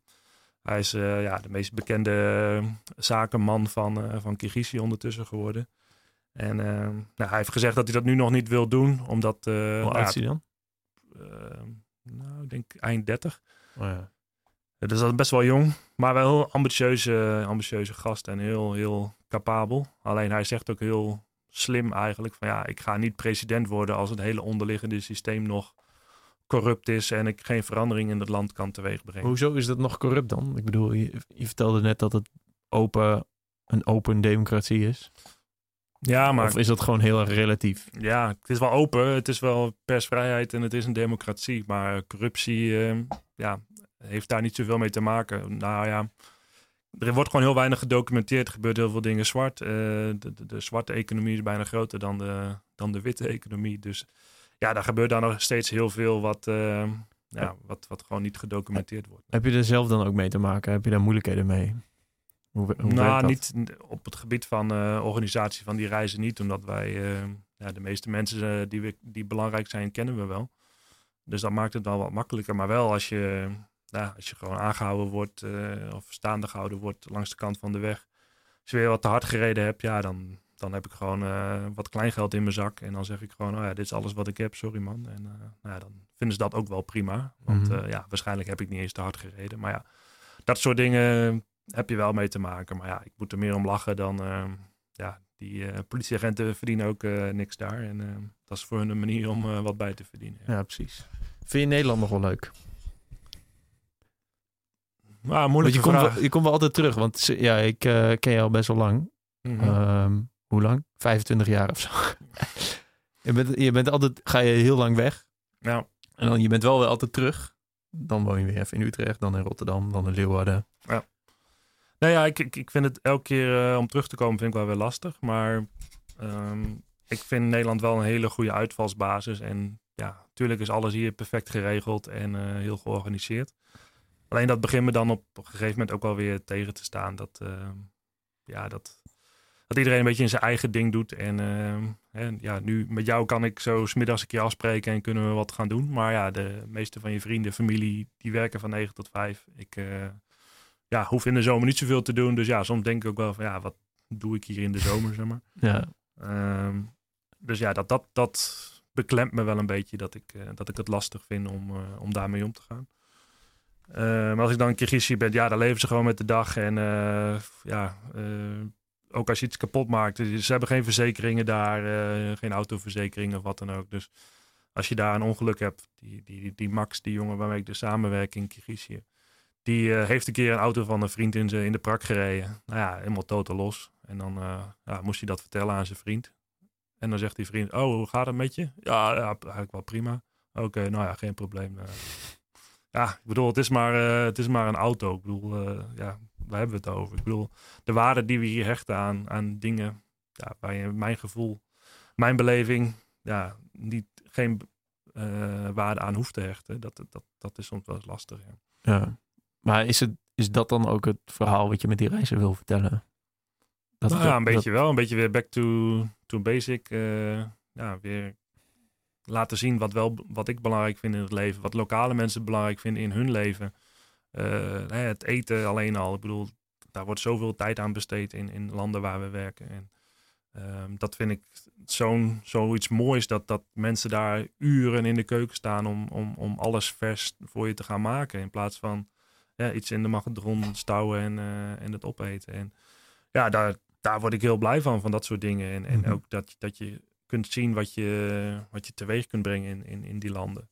Hè, die Max waar ik het over had, dat was een beetje een, een nou, ik wil niet zeggen hij werd behandeld als uitschot, maar zijn schoonfamilie die zeiden van, goh, wat ben je voor, uh, voor een pierenwaaier? Je doet niet zoveel en uh, ja, je loopt een beetje in de bergen in de zomer en uh, zo moet je je geld verdienen. Zo kun je toch niet mijn dochter, zijn vrouw onderhouden. En nou, dat heeft best wel lang geduurd voordat die relatie wat beter werd. En ja, nu heeft hij dus een eigen hub daar in uh, Kirgizië. Hij, hij heeft een skiverhuur, hij heeft, praat met gasten. Ik kom daar op bezoek en ehm, ja, die ouders, die schoonouders waren dan laatst op bezoek in die, in die hub. En die zeiden, oh, ik ben zo trots op je en dat je dit hebt neergezet. En nou ja, helemaal het mannetje nu van, van de familie, zeg maar. En dat vind ik ook leuk om te zien. In plaats van ja, dat je ze wat geld geeft of dat ze iets doen. Nee, ze willen heel graag zelf ook ontwikkelen. Ook voor die nou ja, status en, en, en, en verantwoordelijkheden die ze dan in zo'n familie hebben. Ja, ja eigenlijk... Ja ik weet niet, ik weet niet hoe, hoe ik daar iets over moet zeggen. Maar eigenlijk slaat het natuurlijk nergens op dat je, dat je shit doet omdat je schoonouders het belangrijk vinden. Nee, klopt. Nee, maar het is wel mooi om te zien hoe, hoe, nou ja, hoe iemand uh, zelf kan veranderen door uh, een beetje een steun vanuit, vanuit mij, vanuit de stichting. Dat, hij, nou ja, dat hij een beter leven heeft in dat ja, land. En ook meer gewaardeerd wordt uh, door zijn familie. Ja, dat, dat, ja, het is niet de reden voor hem om dat te doen. Maar het is wel leuk om te zien dat het nou, dat het positief uitpakt. Ja. Um, ik denk vooral wel een beetje rond is. Ja, ik wou zeggen, ik weet niet of we het alleen over reistreffels zouden hebben. Of dat we gewoon eens even gezellig zouden kletsen over, uh, over het reizen aan zich. Oké, we kunnen wel kletsen over het reizen aan zich. Waar gaat je volgende reis naartoe, Peter? Um, ik denk naar Georgië, want we hebben een paar zomerreizen in Georgië. Dus dat zal in uh, juli gebeuren. Dus ja, als je nog, uh, nog een. Uh, Georgië in juli. Ja. Uh, ja, dan moet je. Uh, wanneer ging je ook naar Libanon? In augustus, denk ik. Nou, eind juli naar Georgië en dan via Istanbul. Istanbul. Ja. ja, dat is wel makkelijk. Maar, naar ja. Libanon. Maar heb jij nog iets gepland qua, qua tripjes? Ja, nee, ik wil een skateboardreis maken naar oh ja, de US. Alleen ik haat de US een beetje. Want ik, uh, ja, ik vind het. als je het hebt, als je net vertelt, zeg maar, over hoe mensen ja, één zijn met hun, met hun, de dingen die ze doen en, uh, en hun land misschien wel en hun cultuur en zo. Dan, ja, dan is dat in Amerika mis, misschien ook wel, maar het is wel echt heel erg nep. Ja. Maar, dat je overal auto's en kapotte wegen hebt en drive-ins. En het, het, het klopt gewoon echt. Ja. Maar, en hoe belangrijk ze uh, veteranen vinden en, uh, en hamburgers vreten. Ja, ik vind het echt een gek land. Maar ja, het betekent wel dat ze veel uh, glad wegdek hebben om lekker te skateboarden. Ja. En bovendien is, is, is de cultuur wel gek, maar wel interessant. Ik bedoel, ik ben nog nooit in het zuiden geweest, behalve in Miami toen, toevallig met jou ook. Um, dus ja, ik, het lijkt me wel interessant om dan bijvoorbeeld in Texas wat steden te bezoeken. Ja. Nou, je hebt er niet echt lekkere uh, fietspaden of zo, denk ik, waar je, waar je met je skateboard overheen kan. Maar nee, nee, klopt. aan de kant van de weg dus. Nee, in, uh, in San Francisco was het ook gewoon dwars door de stad prima, prima skateboarden. Dan heb je natuurlijk een boulevard langs het water. Dat is altijd, dat is altijd wel fijn. Ja. Uh, ja, ik heb toen met Bart wel echt ook wel in. Uh, daar zijn wij ook geweest trouwens, in uh, Yosemite Valley. Oh ja. Ja, daar, daar is ook gewoon alles asfalt en beton. Dus je kunt gewoon in dat natuurpark op je skateboard. Ja. Ja. Zit nou, ik zit nou een beetje te zeiken over drive-ins in Amerika, terwijl ik zelf op mijn elektrische skateboard door een natuurpark ga. maar uh, er zijn de natuurparken ook een soort van drive-ins in uh, Amerika. Als je wilt, dan hoef je, kun je mooie dingen zien zonder uh, daarvoor enkele moeite hoeven te doen. Zeg maar. Ja, klopt, ja. Ja, dus, ja dat, is wel, uh, dat is wel interessant. Ja, en ik wil natuurlijk nog een keer rond de wereld. Ja, op dus, een skateboard. Ja, ja, het is wel lastig reizen met een, uh, met een skateboard mee. Ja. Vooral een elektrisch skateboard. Nee, ja, ja ik, ik, het lijkt me gewoon een keer tof om eh, door die datum, datumgrens te gaan. Ja. Het, is, het is denk ik... eh, het is niet fysiek of mentaal een heel tof iets. Het is gewoon alleen geinig, Ja. geinig om... eh, Nou, zo lijkt het mij wel een keer tof om de Atlantische Oceaan of de Grote Oceaan over te steken per boot. Zodat je echt, echt dat gevoel krijgt hoe ontzettend groot zo'n Ja, oceaan. lijkt me ook wel vet. Ik heb, ik heb reizen om de wereld, reizen rond de wereld in 80 dagen van die van Jules Verne, dat is natuurlijk fictie. En die van Michael Palin gelezen, die in, dat in 1989 doet volgens mij. Ja. En dan zegt hij al van ja, er zijn heel weinig eh, scheepvaartverbindingen tussen die plekken. Want dan, ja, je moet dan op een vrachtschip mee. Of op een vissersboot of zo. Ja, ik denk dat het anno nu. Het is natuurlijk wel meer containerscheepvaart. Maar ik weet niet of er nog wel scheepvaartverbindingen zijn. Nou, ik zag toevallig, laat, vorig jaar zat ik ernaar te kijken. Toen was er een, een, een cruise van Barcelona naar de Canarische eilanden en toen naar Rio de Janeiro, geloof ik. Ah, ja, ik- dat soort En- dingen heb ik ook al gezien. En dat was ook echt spotgoedkoop. En toen dacht ik van ja, dan zit je dus straks drie weken lang op zee. Ik weet niet of je internet hebt. Ja, ik wil dan wel graag mijn werk eh, kunnen blijven doen. Maar ja, als ik daar internet zou hebben, lijkt me dat best wel eh, een toffe ervaring. Terwijl het misschien ook wel weer vals spelen is. Van ja, ik bedoel, je, dan beleef je het nog niet echt eh, die on- ongelooflijke grootte van die oceaan. Misschien moet je het gewoon op je kleine eh, zeilbootje doen. ja. Alleen, ehm, ja, als iemand nog een zeilbootje ter beschikking wil stellen, dan Ja, zijn wij er wel bij. ja, wat de ding is, Friso, een bekende van ons twee, of bekende kennis, verre kennis, vage kennis van ons twee heeft gedaan, is ook Ja. wel echt vet. Van, tweede beste vriend. Ja, is, nou, nee, is mijn op, op 18 na beste vriend. Ja. Maar wel- hij zeilde van, ja, noem eens iets, Filipijnen tot aan de echte stille Zuidzee. Ja. eh. Al die eilanden eh, bij langs. Ja. Dat is wel echt master. Lijkt me ook wel eng en eenzaam eh, tegelijk. Spannend. Maar ja, volgens mij is het dan dat dan ook wel weer. Ja, en hij deed het dan met, samen met een of andere oude dude. En die vrouw van die dude, toch? Ja, je kunt je inschrijven op een of andere website, geloof ik, waarmee je... Als bootsjongen. ja, ja, bootjongen als crew voor, eh, voor boten. Dus mensen die eh, hulp nodig hebben bij, eh, bij het zeilen of bij het varen. Ehm, ja, dan kun je dus ook best wel veel zien van de wereld. En dat zijn natuurlijk wel plekken, zoals in Frans eh, of in Polynesië en zo. Ja, dat, daar kom je ook niet anders dan per boot. Dus dat lijkt me wel heel tof om eh, naar zulke plekken te gaan. Ja, dat, dat lijkt me ook nog wel echt, eh, echt master. Sowieso dat hele verhaal van reizen rond de wereld in 80 dagen. Dat, de- ik weet niet, op een of andere manier vind ik dat heel erg... de- dat wil ik echt doen. De plekken waar zeg maar, het originele verhaal in 1890 of zo... Dat gaat dan met de trein naar Brindisi in, in Italië. Dan de boot naar Suez. Ja. Dan via, eh, volgens mij langs Mekka, want daar mag je niet naartoe, volgens mij als eh, niet-moslim. Dan Aden, Mhm. Jemen, maar ja, dat, volgens mij kun je er ook niet lekker komen nu. Ja, en toen dan naar eh, Mumbai. En die reis ging over land naar Calcutta en dan naar Singapore, Hongkong, Yokohama, San Francisco over land, Ja. New York en dan Liverpool en dan trein naar Londen. Want, oh ja, in Londen begon hij. Ja, dat is wel echt master om die, om die reis nog eens te maken nu 2019. Ik bedoel, die Michael Palin heeft hem gemaakt 30 jaar geleden. Mhm. Ja, ik, ik zit wel eens te kijken of, ja, want die- bootjes over de Middellandse Zee gaan wel. Maar ja, en dan, ja, en dan. Nou ja, ik klopt. bedoel, nee, ik vind vliegen heel tof, dus misschien zou je er wel echt van iets van een vliegelement aan kunnen geven. Maar ja, dat is, het is ook wel, ja, ik zou het geen vals spelen willen noemen, maar de reis wordt heel erg anders. Ja, er zijn, het is jammer dat bijvoorbeeld in, eh, helemaal in het oosten van, eh, van Rusland, hè, met Alaska, dat is eh, maar eh, voor mij 15 of 20 kilometer wat daar tussen, tussen Rusland en Alaska zit. Ja. Als je daar bijvoorbeeld al het land nou ja, een klein stukje kunt varen. Ik geloof dat is een paar jaar geleden dat iemand dat gezwommen heeft. Ehm, ja, dat, dat, daar denk je natuurlijk niet gelijk op het eerste gezicht aan. Maar dat is wel, ehm, wel een unieke mogelijkheid om van, van Europa naar Amerika te komen. Ja. En ja, dat zou ook nog wel eens, eh, zou ik ook wel eens tof vinden. Ik geloof dat er zelfs gesprekken zijn om daar eh, een brug of een tunnel te gaan bouwen. ja. Dat is Alleen- een beetje belastig met die zeestromen volgens mij. Nou, ik geloof dat het ook lastig is, want het eerste, nou ja, vanaf Alaska gaat het geloof ik wel, maar in Rusland dan moeten ze iets van eh, 1800 kilometer aan eh, weg en spoor aanleggen voordat ze überhaupt bij dat punt zijn Oh ja. waar, eh, waar ze kunnen oversteken. Maar goed, wie weet als de, de global warming doorzet, dan eh, wordt het allemaal wel beter toegankelijk in die, uh, in die regio. Ja, ja, of, ja, of het, wordt gewoon meer water. Ja, maar dat soort shit, man. Ik, uh, net zoals bijvoorbeeld Congo. Ja, het is echt fucked up nu dat er echt...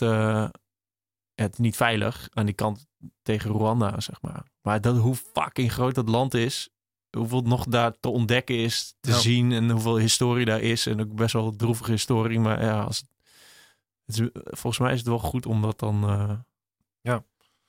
Nou, ik vind het sowieso wel steeds leuker om uh, ja, bestemmingen op te zoeken waar, of, waar je van tevoren niet echt uh, een goed beeld van hebt. En ja, ook al hoe ver je erin gaat verdiepen, dat je gewoon verrast wordt door wat je tegenkomt in zo'n land. Ja. Hè, want ja, vroeger ging, ging ik naar New York en dan wil je natuurlijk alle hoogtepunten zien van New York. En dat is ook super tof. Alleen ja, uh, dan ga je echt puur op, op reis, zeg maar. En ik vind het ook nu leuker om iets meer te beleven dan alleen maar de hoogtepunten van een land te bekijken. En dat kan bij uitstek, vind ik, in landen waar je niet een, een bevooroordeeld beeld van hebt. Dus ja, Congo, ja, zeg maar niet zoveel. Uh, ik weet dat het jungle is, uh, warm. Nee, die jungle is zo groot als heel India, volgens mij. Die daar, of tenminste in het centrum van Afrika. Het zou niet alleen Congo zijn, maar ja, dat land is was het ook alweer? Ja, gewoon 200 keer zo groot als Nederland. Ja, ja daar valt nog zoveel uh, ja, te zien. En uh, ja, misschien nog wel gekke stammen die daar leven. Die, uh... Ja, maar sowieso, omdat ook... Ik denk dat ik het met jou ook wel eens over heb gehad. Dat de wereld zo snel verandert. Zeg maar. als, jij, als je 15 jaar geleden ergens bent geweest en je gaat er nu weer naartoe. Ja, die plek, ja, het is niet dezelfde plek. Het is gewoon heel anders. Dus daarom kun je eigenlijk wel overal naartoe blijven gaan. en dat, dat, ja, het is wel constant. Ja, die, aan de ene kant vind ik globalisatie soms wel eens, wel eens goed. Want ik denk ook dat we heel veel afhankelijk worden van elkaar over de hele wereld. Waardoor het ook wat veiliger misschien is en uh, minder snel oorlog uitbreekt. En dat je dus economische sancties kan opleggen in plaats van, uh, van gelijkharde actie. Ja. Uh, maar aan de andere kant, ja, lijkt het ook steeds meer op elkaar. En, en, en ja, zie je overal dezelfde ketens, zie je overal dezelfde soort ontwikkeling. En zijn mensen op zoek naar ja, iets unieks. Maar ja, doordat iedereen dat wil, wordt het ook weer niet uniek. Mhm. Eh, hè, je hebt uh, zo'n Eliza was hier, is ook zo'n reisorganisatie. Ik weet niet of je dat kent, maar ja, die zeggen dan: eh, we brengen je naar de onontdekte plekjes. Is op een of andere manier ook wel zo. Maar ja, aan de andere kant, als er nog steeds zoveel duizend mensen naartoe gaan met een organisatie, is het volgens mij niet heel, meer, heel erg onontdekt meer. Nee. Ehm, nee, ja, volgens mij, ja, dat, dat, dat soort dingen kun je gewoon niet zeggen. Ja, het is zo'n beetje dat Lonely Planet effect. Dat je zodra je een gids maakt met plekken waar, waar nooit iemand komt, komt iedereen. Ja, dan het is al, natuurlijk altijd zo. Ja. ja, klopt. En ik zag dat Kirgizië nu ook dit jaar in top 10 stond van uh, bestemmingen die je dit jaar moet bezoeken. Sri Lanka stond op één, maar ik denk niet dat dat uh, nog op één blijft staan. Weet je eh, of, je nu nog, of je nu alweer er naartoe kan reizen?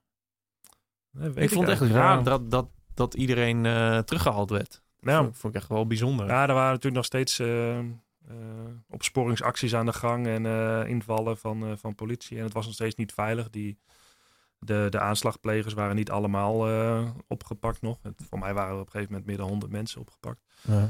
Ehm, dus ja, ik snap wel dat daar iets mee gebeurd is. Ehm, wat ik minder goed begrijp is bijvoorbeeld in zo'n in Tunesië, een aantal jaar geleden toen daar een aanslag was. Ja, daar ehm, is ook alles teruggehaald. Alle gasten zijn weggehaald. En dat was heel duidelijk gericht één, uh, nou, één, één actie zeg maar, tegen toeristen op dat strand. Mhm. En ja, voor het hele land geldde daarna een, een, negatief reisadvies. En het hele toerisme is in elkaar gezakt. En ehm, ja, economisch ging het nog veel slechter in Tunesië. En dat vind ik soms wel zonde van zo'n land wat zo afhankelijk is van toerisme. En dat vind ja, maar net, net, zoals Sri Lanka toch? Ik was daar in uh, oktober of november of zo ja, je chillt hem daar een beetje uh, in, dat, in dat zuiden en zo. Die, ja, dan praat je met die mensen die daar een klein uh, hotelletje hebben. En dan die, die zoon heeft dan een restaurantje ernaast. Die kookt dan voor ja.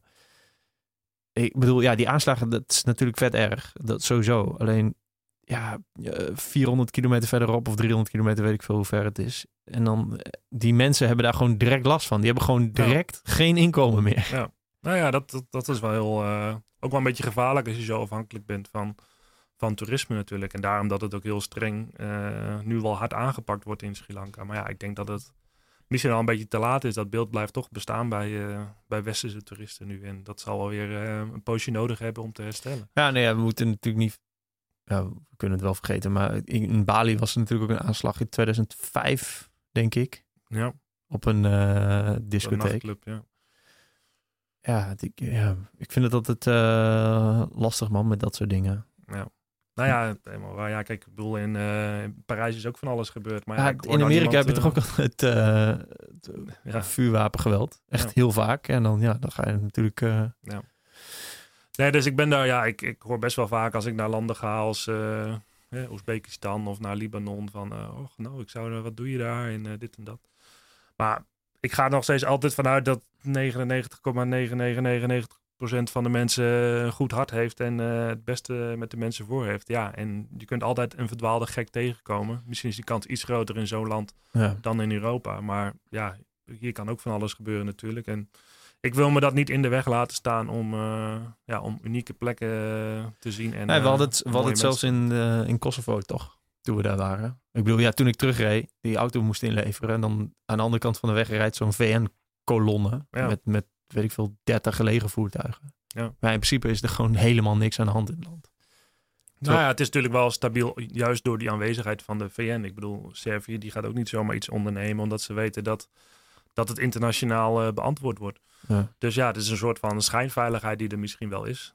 Maar ja, als je die mensen daar spreekt, het zijn zoveel jonge mensen, zoveel enthousiasme. Ja, ik vond het zoveel- echt bijzonder toen wij in, Ja. eh, was het PA? Ja, Dat we daar waren, hoe, ik weet niet wat voor dag het was, maar dat er zoveel jonge mensen gewoon op straat waren. Een soort van energie die, ja, volgens mij heb ik die echt nog nooit ergens anders En dat, dat, dat zie je in veel ontwikkelingslanden natuurlijk. Dat er heel veel een grote jonge bevolking is. En in Kosovo nog versterkt door de oorlog, denk ik. En ehm, eh, na het einde van de oorlog ook een soort babyboom op gang gekomen is. Net zoals hier ehm, na de Tweede Wereldoorlog. ja. Dus ja, zoveel jonge mensen die nu allemaal tussen 18 en, en, en, en 20 zijn. En ehm, ja, die, die iets van hun leven, van hun land, van hun stad willen maken. En dat geeft een hele mooie energie waar je zelf ook enthousiast van wordt. Dus dat is ook wel een reden voor mij om juist in zulke landen te gaan werken. Omdat dat mensen daar gewoon heel enthousiast zijn. ja. Zie je dat het in, Nederland, of in, eh, in Europa eh, vergrijst, zeg maar. Dat Ja. het conservatief wordt of zo. Nou, dat was het eerste wat, eh, wat die Kyrgyzische jongens ook zeiden toen ze hier waren. Van, is het eh, een bejaardentehuis of zo hier in, in Europa? En ja, is ook een doordeweekse dag. Zelfs ja, in Amsterdam misschien niet, maar in veel steden lopen alleen maar wat oude mensen rond die met pensioen zijn en een bakje koffie komen drinken. En ehm, ja, de winkels zijn steeds meer eh, uitgestorven. Dat gebeurt ook allemaal online. Eh, ja, markt, eh, markten worden minder goed bezocht. Ja. Dus ja, er is ook heel weinig leven op straat en in, een, in een stad in, in Europa. En ja, we waren ook in Zwitserland, maar daar vind ik het haast nog erger dan, dan hier in Nederland. Dus Ja. ja, zeker. Ik denk dat die vergrijzing ja, heel goed zichtbaar is en dat wij dat niet altijd doorhebben misschien. Maar ja, we kunnen er heel weinig aan doen natuurlijk. Ik zie, ja, Ja, maar het komt net wat ik net wat ik zei, dat ik eh, iedereen hier van, van, nou niet iedereen, maar veel mensen van 9 tot 5 aan het werk zijn. En ja, die zie je dus niet op straat. Ja, misschien doen ze een rondje in de pauze, ehm, maar verder niet. Dus ja, er is heel weinig eh, interactie met, ja, met andere mensen, behalve je collega's over het algemeen. En mhm. Gelukkig verandert dat wel een beetje, vind ik, dat er steeds meer freelancers komen in Nederland. En eh, dat je iets meer je eigen tijd kan indelen. Alleen, ja, moet je wel weten hoe je daarmee omgaat en wat je daarmee doet. Ik vond in het begin, toen ik voor mezelf begon, ook heel lastig om nou ja, dat, dat werk en, en, en privé te scheiden en eh, daar een goede balans in te vinden. En ja, soms was ik een hele dag aan het tennissen of aan het skateboarden. En, oh ja, shit, ik zou ook nog dit doen. Ja. Als je die druk of die, ja, Ja. dat niet hebt. Ja, misschien is het ook niet erg. Waarom zou ik niet lekker skateboarden als dat kan, zeg maar. Ja, dat is ook wel weer het fijne om, eh, om die vrijheid te hebben, inderdaad. ja. Maar ja, ik weet niet hoe jij dat ziet. Ik bedoel, eh jij hebt tegenwoordig ook geen... eh, Ook werkloos. Ja. Ja. nee, ja, het is fucking moeilijk. Het zo, ja, ik vind het altijd lastig. Of altijd. Ehm maar ik soms zo van die nihi- nihilistische gedachten. Dat, het, ja, dat je e- eigenlijk met hele niksige dingen bezig bent, zeg maar. Dus, Ja.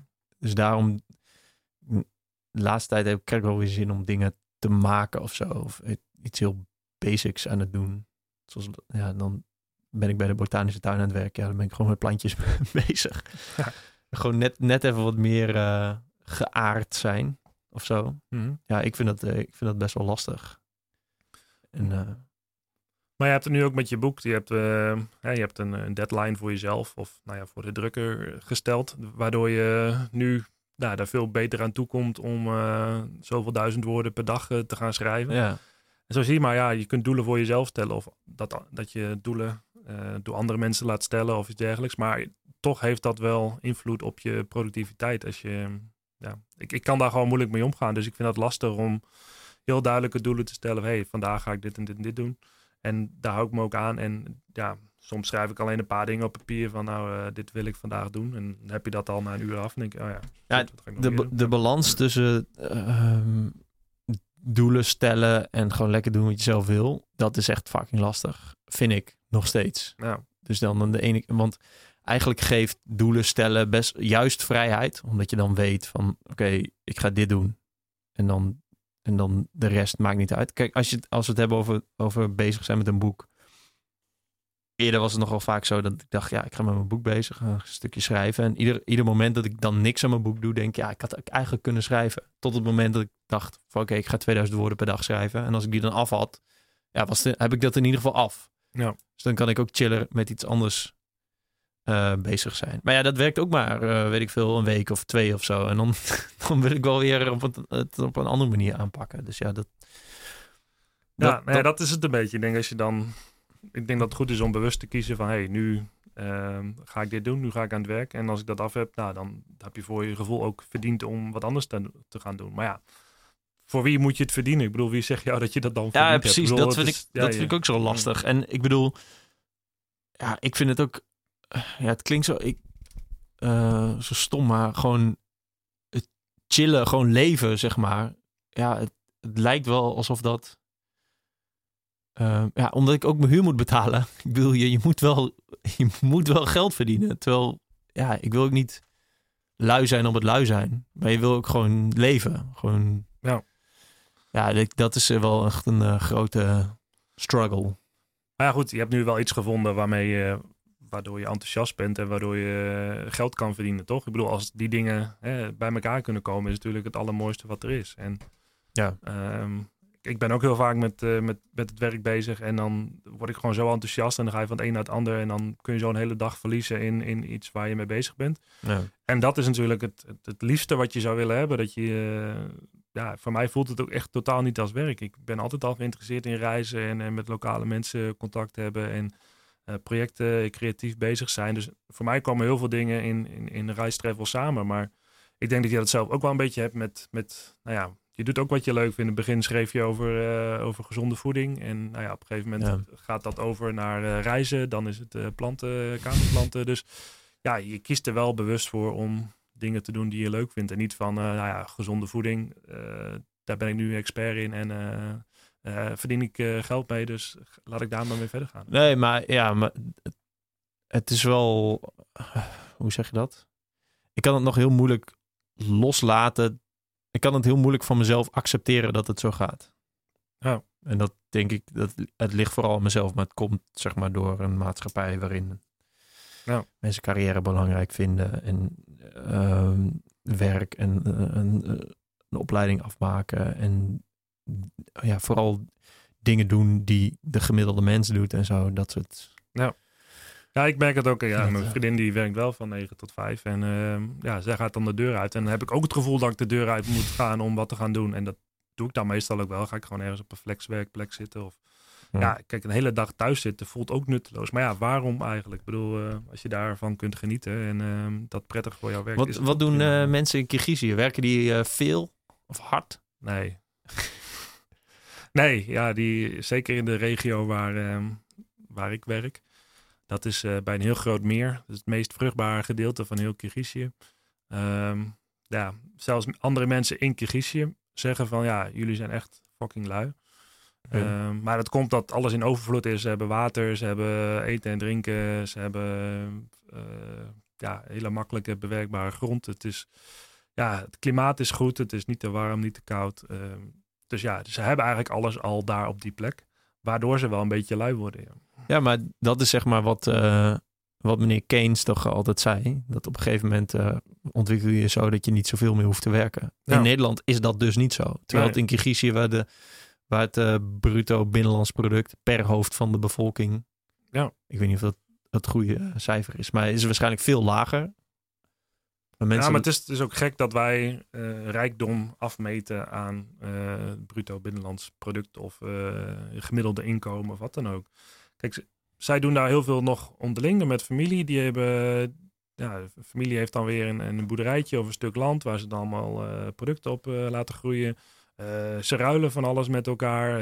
Zelfs met de skiverhuur krijgen we soms een zak aardappelen of weet ik veel wat. Ja, dat, dat is ook handel, zeg maar. En ook rijkdom voor mij. En het is, Ja. is niet per se in geld uit te drukken. En ja, het leven daar is ook... Degene die het meeste geld heeft, die, eh, die betaalt bijvoorbeeld als we uit eten gaan. Dan Ja. is altijd degene die het meeste geld heeft betaald. Alleen wat je dan krijgt is dat mensen nou, wil, wil laten zien dat ze geld hebben. En dus dat iedereen wil betalen. Dus dat is een beetje het tegenovergestelde misschien. Nou dan, ja, ja. eh, maar wat, hier. wat, kijk, we, we moeten natuurlijk niet, nu niet gaan concluderen dat we moeten doen zoals in Kirgizië gaat. Nee, maar wat kunnen, we, wat, kun- wat kunnen we daarvan leren? Nou ja, ik denk vooral niet te veel in, in zekerheid denken en, en, en schijnzekerheid. Hè, door je vast te klampen aan ehm, ja, wat andere mensen verwachten of wat andere mensen willen. Je hebt het ook eh, qua, qua levensverzekering hier voor eh, eh, verzekering voor je auto. Je moet overal voor verzekerd zijn, zodat je zelf niet verantwoording hoeft te nemen over wat er gebeurt. Zeg maar. En dat doen ze in Kirgizië wel. Ze nemen heel erg die verantwoordelijkheid wel in eigen hand. En maar die verantwoordelijkheid bij hun houdt op bij, bij morgen of bij volgende week. Ja. Mhm. Eh, als ze nu geld hebben, dan gaan ze daar nu iets van bouwen. En als het dan geld dan op is, ja, dan hebben ze altijd nog wel eten via familie of eh eten ze maar wat er dan voorhanden is nog. En ehm, dus ze helpen elkaar veel meer. Dus dat sociale karakter is, is veel meer aanwezig. En ik denk dat we dat wel veel meer van hun kunnen leren. En Maar dat is, eh, dat is natuurlijk Nassim, eh, Nassim Taleb, onze grote vriend natuurlijk weer. Die vindt dat, dat als je fragiel bent, dus dat je de hele tijd alles aan het verzekeren bent, dat je dan gewoon in één keer een hele grote klap kan krijgen. ja, Terwijl als je tegenovergestelde antifragiel bent, dat je, dan kan dat niet gebeuren. Nou ja, klopt. Ik denk dat het terug moet gaan van ja, wat, wat heb ik nou echt nodig? Ik leef best wel minimalistisch. Ik heb niet veel nodig. Ja, ik heb af en toe kleren nodig. Maar eh, ja, die krijg ik soms ook weer eh, ja, van mijn broer of van die of van dat. Ja, je hebt niet veel nodig, zeg maar, om te kunnen overleven. Ja, de basisbenodigdheden, zoals eh, hè, tijdens de piramide van Maslow ook eh, naar voren komt. Hè? Onderdak, eten en veiligheid. Ja. Maar ja, dat is er in Nederland. Dus ehm, het is ook wel mooi, want wij kunnen wel verder gaan in onze ontwikkeling. En ons over andere dingen druk maken dan in landen als in Kirgizië. Maar eh, of dat per se beter is of, of, of niet. Ja, net wat je zei net. ehm, de, de, de automatisering, de ontwikkeling was eigenlijk gaande om ons minder werk te be- bezorgen. Alleen wat je nu ziet is dat we ander werk gaan doen. Of ja, daar weer iets proberen eh, op een andere manier mee om te gaan. Maar eigenlijk ja, hoeven we volgens mij niet allemaal meer 40 uur te werken. Maar alleen ja, dat is nou eenmaal Ja, ingeslepen. het is ook niet erg om 40 uur te werken als je er maar gewoon. Ik bedoel, volgens mij vindt iedereen het leuk om eh, gewoon te prutsen of te rommelen. Dus echt iets aan het doen zijn. Maar eigenlijk Ja. is dat er gewoon arbeid verrichten. ja, mij. ja, natuurlijk. Dus ja, dat. Ik bedoel, wat moet je anders eh, 168 uur eh, in de week doen? Ja. Dus, dus ja, het is, dat is wel mooi. Alleen. ehm, ik, vind dus heel erg dat het geen kutwerk moet zijn. Maar Nee, ja. Nou goed, voor wat voor ons kutwerk kan zijn, is voor iemand anders eh, hartstikke leuk werk. Ja, en gelukkig eh, vindt iedereen wat anders leuk. En eh, ik vraag me wel eens af, hè, je hoort iedereen zeggen van ja, je moet je, je passie volgen, je moet doen wat je leuk vindt. En, maar ja, ik vraag me af of dan het werk of de samenleving nog wel overeind zou blijven als dat gebeurt. Ja, dat, dat weet ik ook niet. Ik Nee. bedoel, nee, ja, ik denk ook dat wat Guy, eh, onze vriend eh, Guy Droog vindt, is dat als je van je passie eh, werk maakt, ja, dan is het ook, dan is het ook vooral werken. Ik bedoel, ik denk, denk dan niet meer dat je het kunt zien als passie. Mm, ja.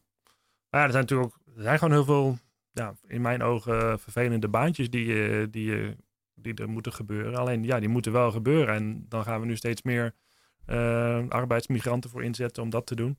En dan ehm, ehm, ja, gaan we daar weer over klagen dat we te veel arbeidsmigranten hebben. Maar ehm, ja, dat zijn niet per se baantjes die, waar je denk ik van droomt van vroeger. En dat je uh, doet wat je leuk vindt. Maar ja, dat moet ook gewoon gebeuren om geld te verdienen. En soms is dat ook helemaal niet erg. Als je dan dat geld verdient en daarmee je leven kan leiden wat je leuk vindt. Is dat ook prima volgens mij. Maar Mhm.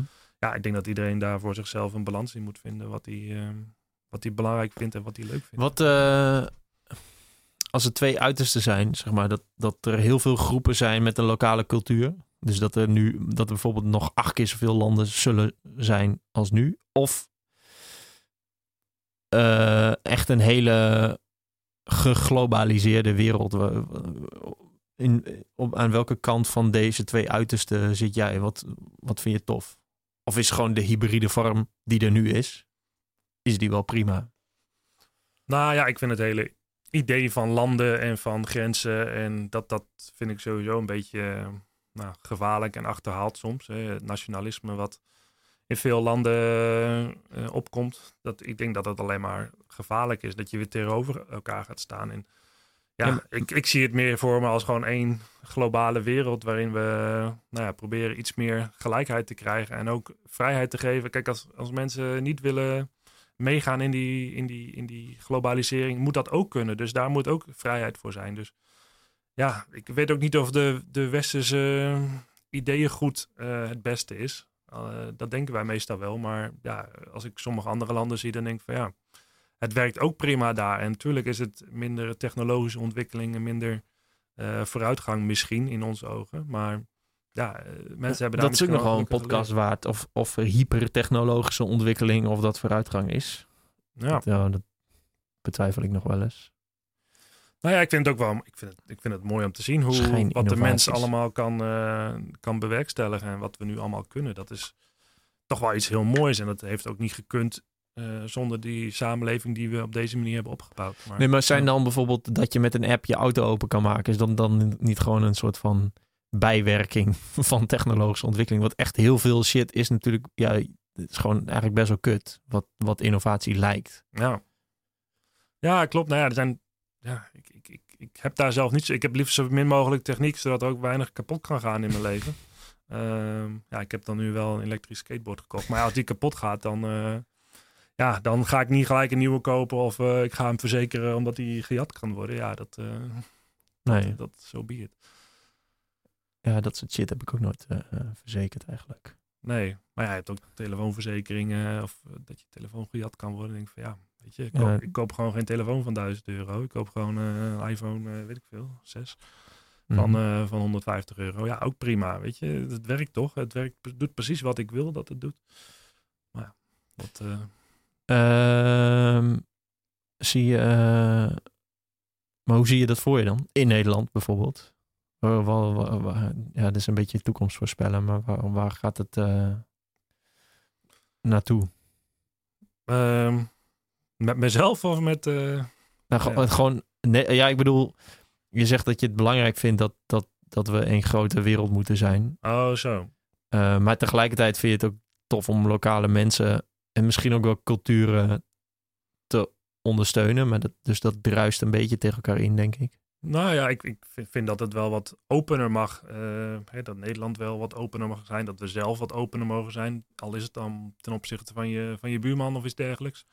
Maar niet meer zo heel gefocust op jezelf van eh, dit is eh, mijn werk, dit is wat ik s'avonds ga ik sporten. En dit is ja, gewoon heel erg bezig met je eigen leven. En ik merk dat zelf ook heel erg als ik in Nederland ben, dat ik daar in meegezogen word. En ja, ik probeer daar soms echt even een bewust stapje achteruit te doen. En gewoon eens eh, ja, tegen meer mensen hoi zeggen of eh, even wat opener eh, door, straat, door de straat te lopen. Ik had laatst een hele rare ervaring in mijn flat. Dat ik, dat ik iemand tegenkwam en hoi zei dat diegene niks terug zei. En toen ging ik nog tot drie keer toe hoi zeggen tegen die persoon. Dat was echt fucking raar, want die zei dus niks terug. Ja. Maar die woont gewoon in mijn flat. En dan ben ik zelf ook niet echt een hele open persoon. Maar ik dacht, ja, ik ga gewoon de hele tijd hoi blijven zeggen. Tot iemand er terug zei. Maar die zei niks terug. Nou, dat is wel echt weird. Ja. Ja, dat, ja, dat we daar ongemakkelijk bij voel- voelen is eigenlijk, ja, vind ik wel een beetje gek soms. Ik vind het in Amerika ook wel heel anders. Als je daar in de bus stapt en eh, dan beginnen altijd mensen tegen je praten, te praten en eh, wat kom je doen en wat. eh, en het is misschien niet helemaal oprecht, maar je voelt je er wel meer vrij en meer, meer open voor, zeg maar. En dat heb ik sowieso met reizen wel vaker. Dat je, Ja, dat ik je vind het nog steeds, hebt, ik ben daar echt fucking slecht in eigenlijk. Want dat voorbeeld in mijn flat, ja, dat was echt een soort van uitzondering. Ik Mhm. vind het ook zo, Ja. ik weet ook niet hoe, waardoor dat komt. Want ik voel me dus heel gauw bezwaard om ook überhaupt maar de weg te vragen aan iemand, zeg maar. Terwijl het echt fucking raar is, want andersom, volgens mij heb ik dit wel eerder in de podcast met iemand besproken. Andersom, ja, dan, eh, soms zie ik ook met, eh, toeristen in Amsterdam struggelen met een kaart of zo. Ja, dan denk ik wel vaak van ja, ik kan ze waarschijnlijk gewoon precies vertellen wat ze moeten doen. Maar dat, Ja, Dus ik dan zou dat eh, wel ben je waarschijnlijk bezig met die afspraak die je straks hebt. Van, oh ja, shit, ik zou nog daar. Ja, dan ben je gewoon bezig met wat je zelf nog moet doen. Je loopt ook nooit over straat, denk ik, zonder een doel, zonder ergens naartoe te gaan. nee, dat is, maar dat is wel mooi. Ja. Ja. En dat, eh, ja, ik probeer het ook wel wat vaker. En het voelt soms een beetje raar dat je de deur uitgaat en dan, eh, ja, ik weet eigenlijk niet waar ik heen ga. Ik ga gewoon maar wat lopen. Ja. Ja, ehm, dat, daardoor sta je wel meer open voor dat soort dingen inderdaad. En, ach ja, ik weet ook niet, eh, ik wil ook niet zeggen wat, eh, wat, wat goed is en wat slecht. Maar ja, het- ik, ik probeer gewoon op te merken wat mij eh, opvalt in die, ja, zeker in vergelijking met andere landen. Ja. Dus ja, het is alleen maar, ik vind dat we daar alleen maar van kunnen leren. En dat is hartstikke leuk. Oké, nou, we kunnen dus leren, want ik ga het nu afronden. Door mee te gaan met Rise Travel. Ja. Waar, Ja. kunnen, waar kunnen we informatie vinden? Eh, op reistravel.com, dus gewoon aan elkaar. R-Y-C-E. En weet je al wat de bestemmingen zijn voor volgend seizoen? Of kunnen mensen gewoon jou contacten en dan... eh, nou, ik heb wel? de data voor volgend jaar nog niet eh, helemaal op de website staan. We zijn bezig met een nieuwe website op dit moment. Maar ehm, we hebben sowieso Kirgizië, Kazachstan, Georgië, Kosovo, Macedonië. Turkije gaat daarbij komen en Libanon. En dat is het denk ik wel voor dit seizoen. Ehm, ja, we moeten ook eerst zorgen dat de huidige reizen volkomen voordat we weer verder gaan met, eh, met nieuwe bestemmingen. Maar we hebben heel veel mensen die al voor de vierde keer meegaan dit jaar. Ehm, dus ja, daar moet ik elk jaar ook weer een nieuwe bestemming voor, eh, voor vinden. Dus ja, die. Het hoeft niet. Nee, nee, nee, maar die geven dat vertrouwen aan mij. En ik vind dat hartstikke leuk om dan samen met hun een nieuwe bestemming te ontdekken. Ja, dat is wel echt mooi. hè? Dus ehm, ja, dat worden ondertussen ook echt eh, wel vrienden van je. En dat, dat vind ik het leuk aan dit werk. Het is zo kleinschalig dat je iedereen kent. Eh, zeker omdat je van tevoren het werk doet en dat je met de mensen meegaat eh, op bestemming. Dus ja, dan, dan maak je zoveel mee en ehm, heb je ook wat meer gesprekken van, oh ja, waar woon je, wat doe je en waar word je blij van. Ehm, dus ja, dat vind ik wel echt heel leuk en ehm, daar wil ik, ja, dat wil ik heel graag blijven doen. Dus ik zal altijd wel meegaan met, met reizen begeleiden en ehm, ook de, de reizigers zelf spreken, zodat je ook eerder weet wat, wat er verbeterd kan worden en Ja. ja, wat, eh, wat allemaal nog, eh, nog ontwikkeld kan worden. Oké, nou zullen we dan nu op de, in de podcast... Zal ik dan beloven dat ik volgend jaar ook meega met een reis? Oké. Heb je zelf een voorkeur? Eh, ja, Libanon man. Ja. Lijkt me wel vet. Waar kan ik, waar kan ik het beste leren snowboarden? Of skiën? Nou ja, op zich heb je niet veel nodig om te, leren, eh, om te leren skiën. Dan zou ik het eerder in Nederland in een eh, indoorbaan gaan doen. Zeker als je gaat snowboarden of skiën. Ja, de, de basistechniek kun je daar in een paar dagen prima leren. En als je dan naar de echte sneeuw gaat, dan kun je gelijk de lift nemen. In plaats van eh, dat je staat te keutelen op een... eh, Oh ja, dat is misschien wel handig, ja. Zijn ze in de zomer open? Ja. Oké. Volgens mij de hele, het hele jaar door. Ehm, je hebt er nog wat. Volgens mij is in Amsterdam ook een indoor baan, maar weet ik niet zeker. Ehm en anders eh, ja, Snow World of Rukven, geloof ik. Dus eh, ja, er zijn wel wat mogelijkheden daarvoor. Zij ondersteunen ons ook met, eh, met tweedehands eh, kleding en zo, die ze daar in de verhuur gehad hebben. Shout-out. Daar lopen ze nu mee in, in Kirgizië. Dus de skischool in Kirgizië heeft nu allemaal kleding van Snow World. Ja. Ah, vet. Zijn er nog meer mensen die shout-out moeten? Voor, bedanken voor de hulp. Ehm, nou, voor de, Sponsors. Nederlandse, voor de Nederlandse luisteraars, ja, we hebben veel contact met de MK Ski Service in Beeldhoven. Met ehm Herqua Sports in Hoogveen. Met eh Daka Sports. ehm, Burnside en Deventer. Ja, en ehm, eigenlijk iedereen die ons gesteund heeft, ook individueel met materiaal, met spullen, met kleding, met skis, met van alles. We hebben zelfs een hele lading met voetbalkleding gestuurd naar Kirgizië, waarmee eigenlijk de hele competitie nu speelt in, uh, in Kirgizië van alle leeftijden. waren echt wel meer dan 200 items. Ah, dus ja, ja, dat... Maar als mensen nu luisteren die denken, nou, ik heb nog wel iets en ik wil iets bijdragen, dan, dan is er eigenlijk altijd wel een, een plek en iemand voor die nou, dat. Uh... Ja, ik wil dat ook niet helemaal afbakenen van we doen alleen wintersporten, winterkleden. Ja, er was een stichting die ophield te bestaan en die allemaal uh, voetbalkleding had. En daar kwam ik toevallig bij terecht. Ja, super, dat uh, spul kan natuurlijk ook prima naar Kirgizië sturen. Dus ja, Um, hè, wij betalen over het algemeen, als het niet te grote transport is, betalen wij dat de transportkosten. En, um, um, dus daar, daar hoef je ook niet over uh, in te zitten. En dan uh, sturen wij alles wat nodig is in zo'n land naar, daar naartoe. Maar dat kan uh, heel breed zijn inderdaad. Ja, kleding is altijd welkom. Maar ook sportattributen, wintersportdingen en alles. Ja. ja. Oké, okay, vet. Vet. ja, ricetravel.com. Kom. Oké, nou Peter, bedankt voor uh, je aanwezigheid. Ja, graag gedaan. Uh, mensen, bedankt voor het luisteren. Uh, en tot de volgende keer. Yes. Doei. Tot later.